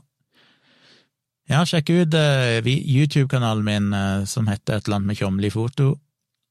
Der, det, der, ligger det bare én video nå, tror jeg. Men der går jeg gjennom en redigering av et portrett, uh, så du kan se hvordan jeg jobber litt. Og da bruker jeg jo Nei, En jeg tenker meg om, så går jeg vel gjennom Der bruker jeg vel faktisk Luminar. Jeg tror ikke jeg har lagd noen video der jeg bruker Lightroom ennå, men det må jeg gjøre. Men ja, jeg bruker primært Lightroom. Men det jeg gjør ofte, er at jeg bruker Luminar fra et firma som heter Skylum. Luminar er jo et program som baserer seg mer på AI, som sparer meg for veldig mye tid og arbeid. Eh, og de kommer nå øyeblikk med en ny versjon som heter Luminar AI. Den versjonen jeg bruker, heter Luminar 4, og så er noen av funksjonene AI. Men i den nye så er egentlig alt omtrent AI. Og det geniale med det er at eh, når du skal for eksempel fikse øynene i et portrett og gjøre de lysere og mer sparkling, for eksempel, så kan du bare dra en slider, så finner den automatisk øynene og fikser de, istedenfor at du må sitte og tegne masker og sånn og justere ting manuelt. Så den gjør mye sånn arbeid at jeg sparer mye tid på en del av det der mer sånn Så jeg gjør grunnleggende redigering i Lightroom og fikser farger og kontraster og ja, det meste. Men hvis det er portrett hvis det er ansikter i bildet, så pleier jeg å sende det til Luminar som en plug-in, og så fikser jeg akkurat de tingene der, og så sender jeg det tilbake igjen til Lightroom etterpå. Så det tenkte jeg, og det må jeg jo få lagd en video om, der jeg viser hvordan jeg gjør det. Men jeg bruker en kombinasjon av Lightroom og Luminar, men primært Lightroom. Johan spør kommer det noe mer reaction-videoer på Kari smittevernekspert Jakkesson. Nei, jeg vet ikke om det er noe vits i. Nå har jo jeg lagd en, og Wasim har lagd en. Det blir jo sikkert bare gjentakelse av det samme hvis jeg skal reacte mer på henne.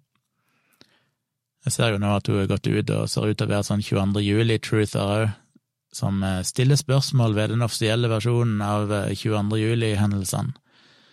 Selvfølgelig gjør hun det, for det som jeg sa i min video, hun har jo bare et ønske om å være kontrær. Hvis hun kan finne et eller annet som folk bryr seg om, der hun kan innta en motsatt holdning, så er jo det alt hun vil. For da, frem, da klarer hun å lure seg sjøl og enkelte andre til å tro at hun er spesielt intelligent, siden hun har gjennomskuet alt.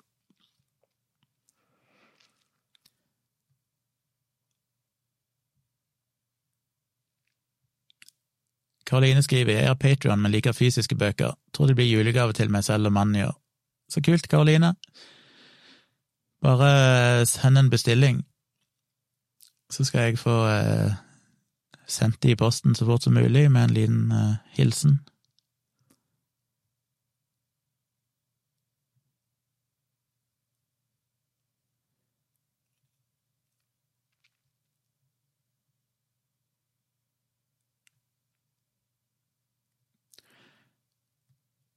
Karoline skriver Thomas og Max får litt dårlige vibber at det å diskutere at han er asiatisk uten at de helt kan forklare hvorfor. Noen andre som har tanker om det?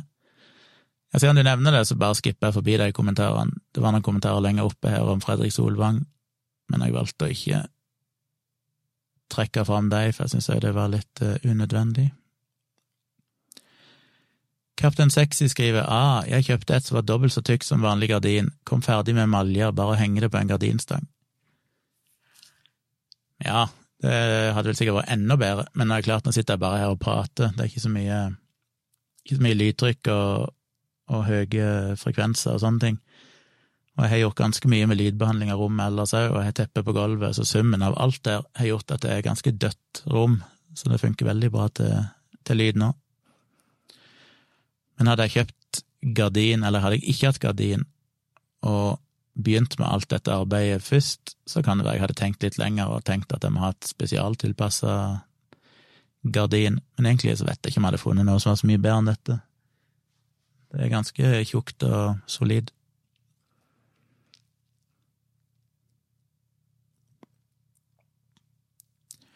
Anomi skriver jeg har stort sett slutta å se, høre debattprogrammer eller lese debattspalter, syns ikke de formatene har noe mål om å komme videre eller belyse noe grundig, så jeg ser ikke helt verdien i det.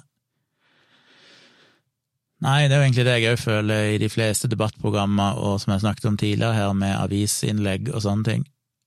Jeg syns det generelt sett er skal ikke være helt kategorisk, selvfølgelig er det gode artikler og gode debatter av og til som faktisk opplyser, men i det store og hele så føler jeg nok at de få gangene det faktisk er noe viktig og bra, overskygges av hvor mye av det som ender opp med å være debatter om ting som bare er støy, som virkelig ikke hadde fortjent å blitt løfta fram i aviser eller på TV. Eh, jeg tror de debattprogrammene, selv om du av og til blir opplyst, så ender det veldig ofte opp med å ta fokus vekk fra ting som er mye, mye viktigere, men som folk som ikke er underholdende nok, eller ja. Det er litt synd. Johan skriver neste er vel at Kari argumenterer for at jorda er flat hvis hun ikke gjør det allerede, da. Det hadde jo ikke vært usannsynlig, men jeg mener jeg leser at hun en eller annen gang skrev at eh, Eller var det noen andre? Som på en måte sa at nei, selvfølgelig er jorda rund. Akkurat der stolte de på vitenskapen. Men jeg skal ikke si med 100 sikkerhet at det var Kari.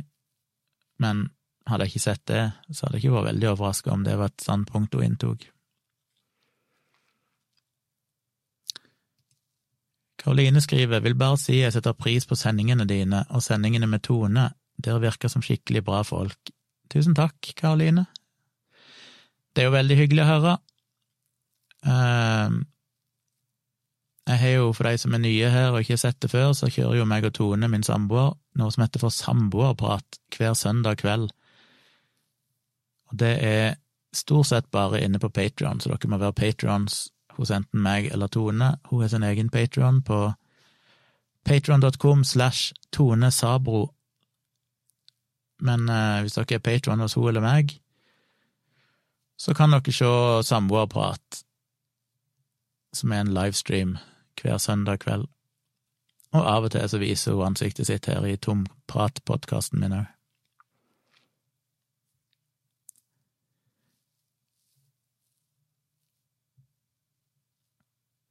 Nå nærmer vi oss jo 50 seere, så da er vi oppe på vanlig nivå. Jeg gleder meg til en dag der vi kanskje klarer å se 500 seere, det hadde vært noe. Så dere må like og abonnere og eh, passe på å dele med andre, tipse andre. Hvis dere syns det er gøy å se på livestream, så gi gjerne et tips til venner og familie og si at hei, sjekk ut denne livestreamen til Tjomli. Abonner på kanalen hans. Jeg lurer på om jeg har passert 5000 eh, abonnenter nå. Jeg mangla tre stykk tidligere i dag. Skal vi se her. Hvor mange abonnenter har jeg? Ja, jeg er 5007. Jeg har passert 5000 abonnenter, det er jo første milepæl. Tone, Tone nå øyeblikk 10 000. Hun har dobbelt så mange abonnenter som meg på sin YouTube-kanal. Wasim Sahid har vel 50 000, så han er jo ti ganger mer enn meg. Men det er vel fortjent, for han har jo stått på som en helt med å lage videoer. Men ja, 5000, det, det det er jo en milepæl, det må jeg jo si Nesten vi må feire med litt cola etterpå.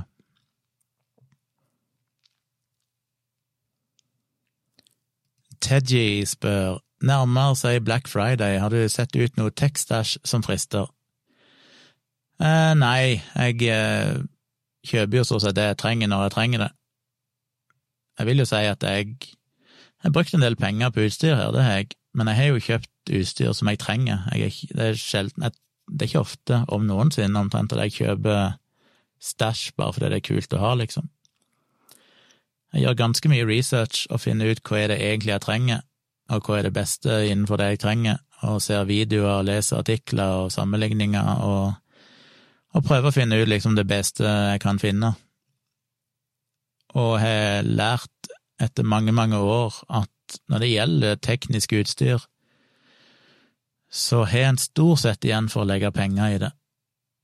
Uh, ja, det er en grunn til at ting ofte koster mer enn andre ting. Det er fordi at det er kvaliteter. Så selv om det ofte er fristende å kjøpe den litt billigere versjonen, eller et eller annet sånt, så har jeg lært meg at det ender jeg ofte opp med å tape penger på, for da går det litt av tid, og så må jeg kjøpe den dyre likevel, for den billige versjonen var rett og slett ikke god nok. Så jeg er temmelig kvalitetsutstyr her etter hvert som kan vare meg livet ut, omtrent. Um, det er investeringer, men det er jo ting som varer veldig, veldig lenge. Så det er kult. Så jeg, eh, jeg har ikke sett på noe tilbud og sånn. Jeg tror veldig sjelden at de tingene jeg trenger, er på tilbud, sjøl på Black Friday. Jeg får jo noen mailer sånn fra kamerabutikker og sånn, og de har jo diverse utvalg av ting som er på tilbud nå denne uka og sånn, men det er jo bare de tingene de vil bli kvitt, eller det som er populært akkurat nå. Det er jo ikke de tingene jeg faktisk trenger. Så det hjelper ikke så mye.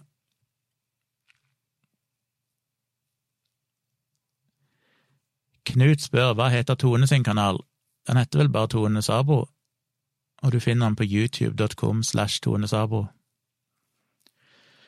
finner hun de fleste plassene som Tone Sabro i ett ord, enten det er patrion.com slash Tone Sabro, eller youtube.com slash Tone Sabro, eller instagram.com slash Tone Sabro, eller Twitter er jo Tone Sabro. Så Tone Sabro, S-A-B-R-O, Tone Sabro, det er stikkordet. Thomas spør kan du se hvem som blir nummer 5000. Nei, jeg ser bare totalt, jeg kan ikke engang se hvem som abonnerer på kanalen min, jeg kan bare se tallet på antallet som abonnerer. Så jeg aner ikke om dere abonnerer eller ikke, men jeg ser iallfall at det er nå 5008, så det er kommet én ny abonnent, det er bra, siden jeg nevnte det i stad.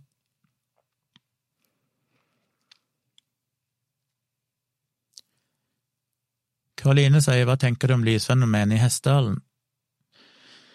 Ja, det var jeg ganske opptatt av for mange, mange år siden. Vi hadde en sak på Tonstad, der jeg kom ifra, der min bror og en nabo, og da mener jeg nabo-nabo, altså en som bodde i huset ti meter ifra oss. En kveld så, jeg, så Jeg husker ikke hva som skjedde, men dette var vel på ja, tidlig 2000-tallet, eller var det Det var noe sånn like etter år 2000, tror jeg. Rundt da. Eller var det rett før? Ja, iallfall. Over 20 år siden, sikkert. Rundt 20 år siden. Så kom han hjem midt på natta, og så plutselig så han et ekstremt kraftig lys som bevegte seg over himmelen. Og så var han eh, naboen som var rektor på skolen, han sto på kjøkkenet eller et eller annet sånt, og så så Peter han, og så vinka han seg, kom ut, og så kom han ut og så det, han òg.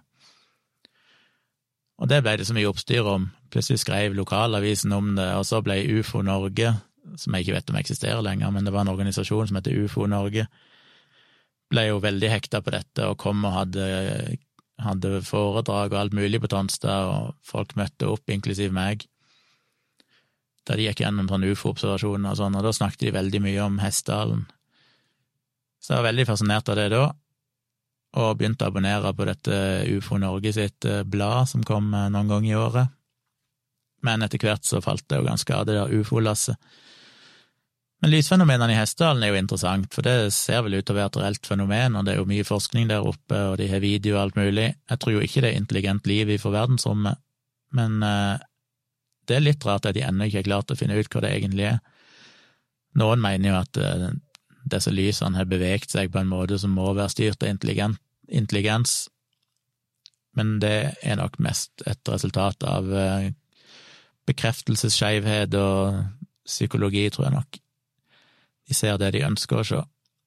Men at det er noe der oppe, det ser ut til å være sannsynlig, og da er det jo spørsmålet, det er våre spekulasjoner om er det plasma som kom opp ifra sprekker i jordoverflata, er det et eller annet spesielt geologisk fenomen akkurat i Hessdalen som skjer, altså det er ingen som vet, men uh, jeg har ikke oppdatert meg på det på noen år, så jeg vet ikke hva som er rådende status, men jeg tror vel fortsatt de driver på med aktiv forskning der oppe. Så jeg vet ikke, jeg vil svare mitt, men det er interessant. Det er vel kanskje det best Det er jo litt gøy at det er vel det mest kjente, eller sånn best etablerte ufo-fenomenet, i den grad du kan kalle det. Altså det er jo ufo i den forstand at det er uidentifisert eh, flygende objekt, men vi vet ikke om det er et objekt, eller om det bare er en refleksjon, eller et eller annet sånt. Men eh, i, på verdensbasis er vel Hessdalen kanskje det mest sånn etablerte, vedvarende fenomenet, som ikke er bare noe som noen har sett én gang, men som faktisk er liksom dokumentert på video og av forskere og alt mulig sånn.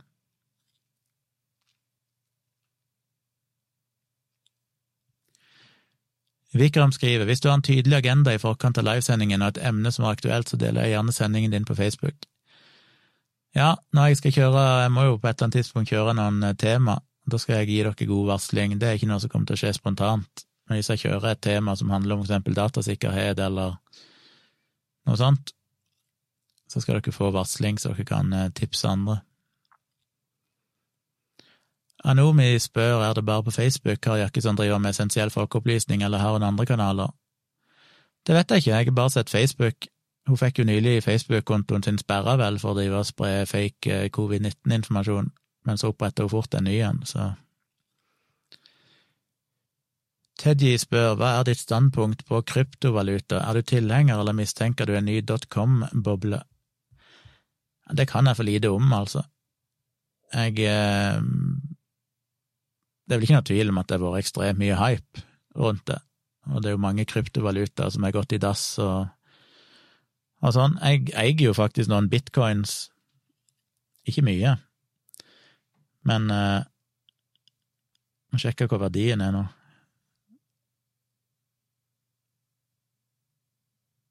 For det, nå er jo bitcoin oppe i en ganske høy verdi, er det ikke det? Sånn at de få kronene jeg har i bitcoins, er jo verdt mer enn noensinne. Nei, de har vært høyere enn det men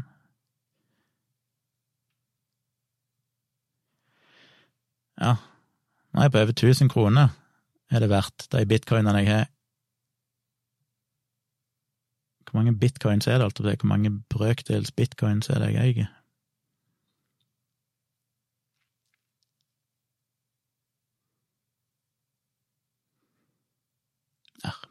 Tregt. Nå finner jeg ikke den eh, Jeg husker ikke navnet, jeg har jo en app som sier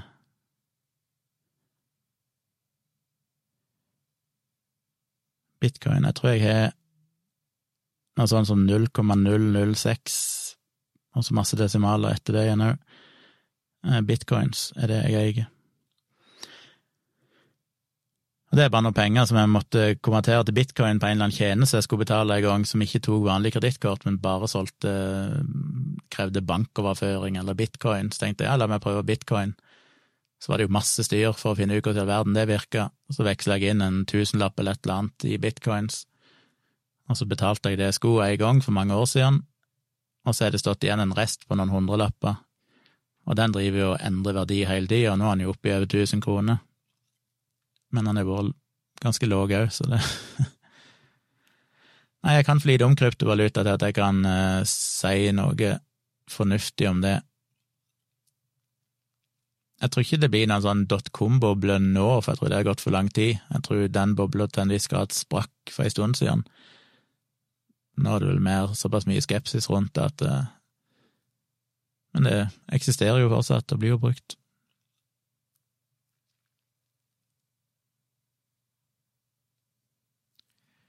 Espen skriver en hemmelighet for retail-bransjen, varene som har skikkelig Black Friday-priskutt av varer som ikke har blitt solgt, som må ut. Ja, det er jo ganske tydelig når jeg ser på de butikkene som driver og sender ut tilbud, at det er jo gjerne et og annet produkt som skal trekke folk, som er litt interessant, og så er det tydeligvis masse greier som de bare trenger å få ut av lageret sitt.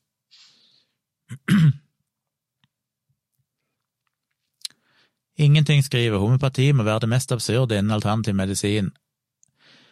Ja, i boken min Placebo-defekten så har jeg jo et helt kapittel om bare homopati, der jeg går gjennom hele historikken til homopatien og hva forskningen viser og sånn.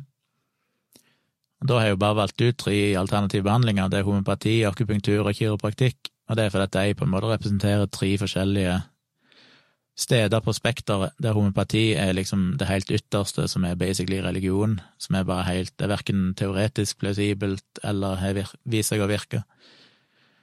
Mens akupunktur er liksom på midten, for det er sånn som i teorien så vil det ikke være urimelig at akupunktur kunne virke, for du stikker faktisk nåler inn i kroppen, og kanskje er det et eller annet der som Men allikevel så tyder jo flere tusen studier på at det ikke egentlig er noe vesentlig effekt av det. Og så er det jo kiropraktikk, som er på en måte ikke blir sett på som alternativt engang av de fleste, som er liksom stuereint, men som egentlig er alternativ medisin i veldig stor grad, det òg. Så homopati er definitivt Det er ikke det mest absurde, det er jo ting som rompologi og sånn, som er mora til Sylvester Stallone, av alle personer, vel dikta opp, og som er blitt en greie i sånn Hollywood og sånn, der du egentlig kjenner på rumpa, og diagnostiserer folk med å kjenne på rumpa til folk. Men ellers er det jo sånn kraniosakralterapi, der det vil handle om å kjenne på formen på hodeskallen og alt mulig av krystaller og alt mulig sånn. Det finnes ekstremt mye absurd.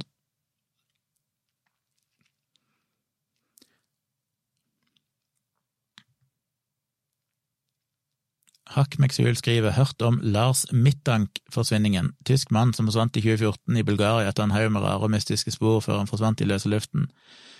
Er CCTV-footage for han løper fra bagasje og alt på flyplassen. Veldig rar sak, interessant, mange teorier. En av de beste teoriene er at han terga på seg bulgarsk mafia i en krangel noen dager før forsvinningen, at han ble drept og at organene ble solgt på det svarte markedet i Øst-Europa, spesielt. Ja, jeg kjenner til den saken, for jeg har sett eh, video om det. Det er fascinerende med sånne folk som bare forsvinner, så det er ingen som finner dem igjen.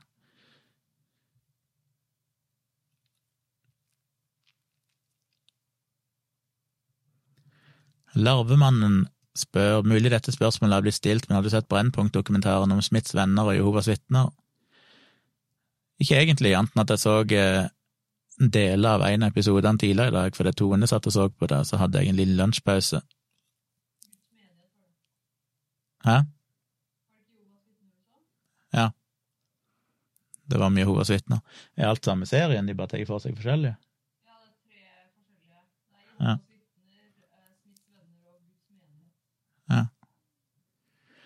Men eh, det er jo interessant. Jeg vet jo litt om de fra før, men eh, det er jo alltid gøy å se og bli mer opplyst. Jeg burde egentlig satt meg ned og, og sett det i sin helhet. Det lille jeg så i dag, da, eller lille og lille, jeg så vel brorparten av episoden om Jehovas vitner, tror jeg. Ja, jeg så basically hele, visstnok. Jeg kom inn like etter det starta. Det er jo sånn at uh, det er to ting som slår meg. Det ene er jo det der enorme fokuset folk har på islam, og dette her med å bli utstøtt fra islam hvis ikke du tror på profeten og alt mulig, og kvinneundertrykking, og det er liksom ikke måte på som er helt legitim kritikk, som jeg òg mener er veldig viktig å sette fokus på og, og ha, ta et oppgjør med.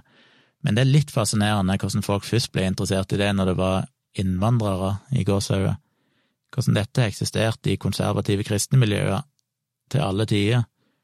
Men du ser ikke det sånn her Frp-erne sånn reagerer på det. Tvert imot så er Frp-er bestevenner med de mest ekstreme norske konservative, kristne, sekteriske miljøene. Det er akkurat som der det er greit å drive på med sånt, men hvis du tilhører islam, så er det plutselig et problem. Så det er det første som slår meg, hvor hyklerisk det er med folk som er så ekstremt opptatt av eh, islam på den fronten, men åpenbart ikke har brydd seg veldig om at dette har eksistert i Norge, ganske utbredt i uh, lang tid. Det andre som slår meg, er jo at uh, jeg tenker jo at det er rart at vi tillater det.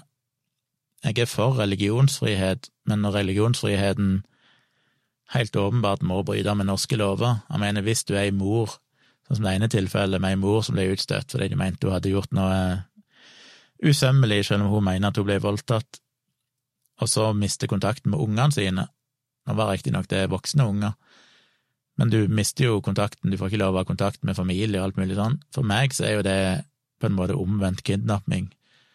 Du utstøter noen, sånn i praksis er du kidnapper ungene til den personen. Og Det er nesten rart for meg at ikke det blir ramma av en eller annen eh, straffelov. Og de forsvarer seg jo med at de må ha lov å gjøre dette, for det er en del av religionsfriheten, å kunne bestemme hvem som skal være med, og hvem som ikke skal være med. Og det er selvfølgelig komplekst materiale, for det er litt vanskelig å vite hvor du skal sette grensene uten at du krenker friheten til folk. Men det er virkelig en del ting i sånn som Jovas vitner og sånn som jeg nok tenker og håper det blir en debatt om, eh, større debatt om i fagmiljøene òg om hvor langt kan du egentlig gå i å la folk Enten det er islam, eller det er Smiths venner, eller det er Jehovas vitner, eller hva det måtte være. Men når det er sånne ting som helt åpenbart går ut over familie og barn, så må egentlig staten gripe inn og si at dette er faktisk ikke greit.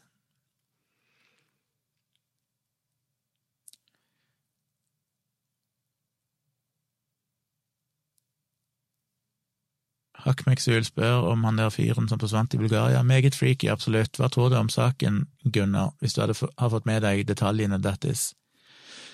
Ja, det er ganske lenge siden jeg så videoen. Jeg så bitte grann igjen nå, fordi Tone så tilfeldigvis muligens samme video, eller en video om samme saken på YouTube, så jeg ble påminnet den. Men jeg har sett den for lenge siden. Men jeg kan på ingen selvs måte nok at jeg kan uttale meg om, om hva som eh, ligger bak det. Jeg har ikke peiling på. Jeg er ikke jeg ikke researcha det i noen grad, enten at jeg bare har sett en, eh, en video.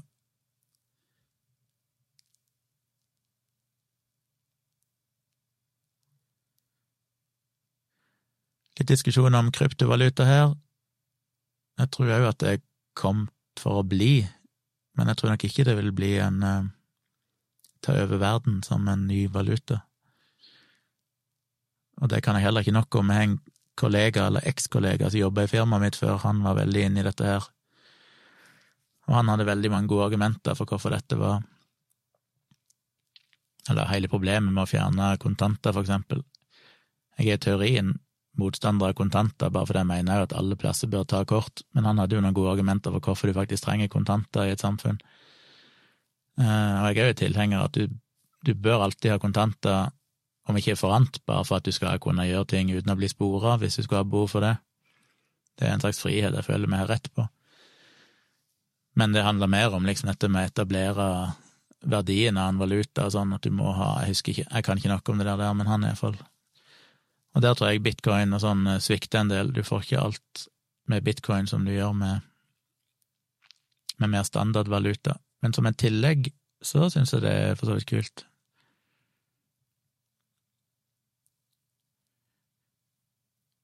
Huck McSuel skriver anbefaler Fact Faction til deg og samboeren. Mange sånne Five Mysterious Unsolved Cases. Rare forsvinninger med ulike merkelige twist dagene i forveien som får hjernen til å ta salto fire ganger. YouTube-kanal. Ja, jeg har sett en del av de, og jeg kommer nok kanskje til å bli inspirert av noen av de videoene der til å snakke om det i uh, Virkelig grusomt-podkasten. Fornavn etternavn spør vet du hvilken temperatur og tid man skal steke iskake på? Um, nei. Jeg tror mitt beste tips er å Jeg holdt på å si ikke steike den, men vet, amerikanerne de friterer jo is og sånne ting. Så hvis du, jeg vil nok anbefale å fritere iskaken heller enn å steike den. Det skal jo funke.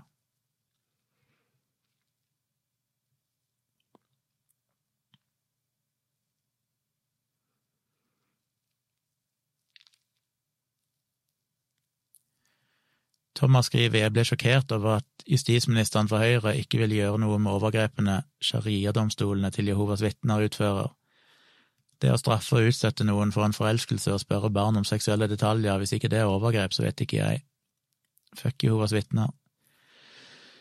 Ja, jeg er egentlig enig. Det er jo Det er veldig, veldig rart at eh, det ikke skal være beskytta av eh, Alt fra menneskerettigheter til barnevern, Barnekonvensjonen til norske straffelover. At du kan slippe unna med sånne ting under dekke av at det er religionsfrihet, er å trekke religionsfriheten for langt.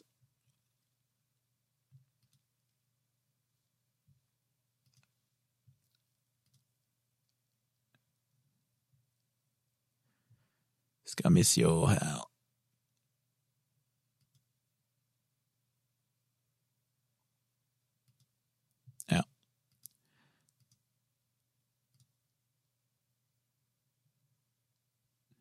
Men folkens, i dag hadde jeg egentlig ikke tenkt å holde på så himla lenge, så jeg har allerede holdt på mye lenger enn jeg trodde, nesten to timer. Jeg lurer på om jeg skal begynne å runde av, så jeg ikke blir så altfor sein i dag. I morgen er det torsdag. Da er jeg nok tilbake igjen med en ny livestream. Kanskje jeg starter med en ny bloggpost. eller gjør noe tilsvarende. Jeg har jo fått noen ideer til innhold jeg kan eh, bruke her. Så håper jeg, håper jeg at jeg i løpet av denne uka får i posten det jeg venter på, så jeg kan begynne med skikkelige produksjoner som jeg har lyst til å gjøre. Så jeg tror jeg eh, begynner å runde av her. Husk å abonnere, bli gjerne Patron. Det setter jeg veldig pris på. Jeg ser at jeg i løpet av sendingen har fått uh, vi se Iallfall én ny Patron. Det er jo alltid kult.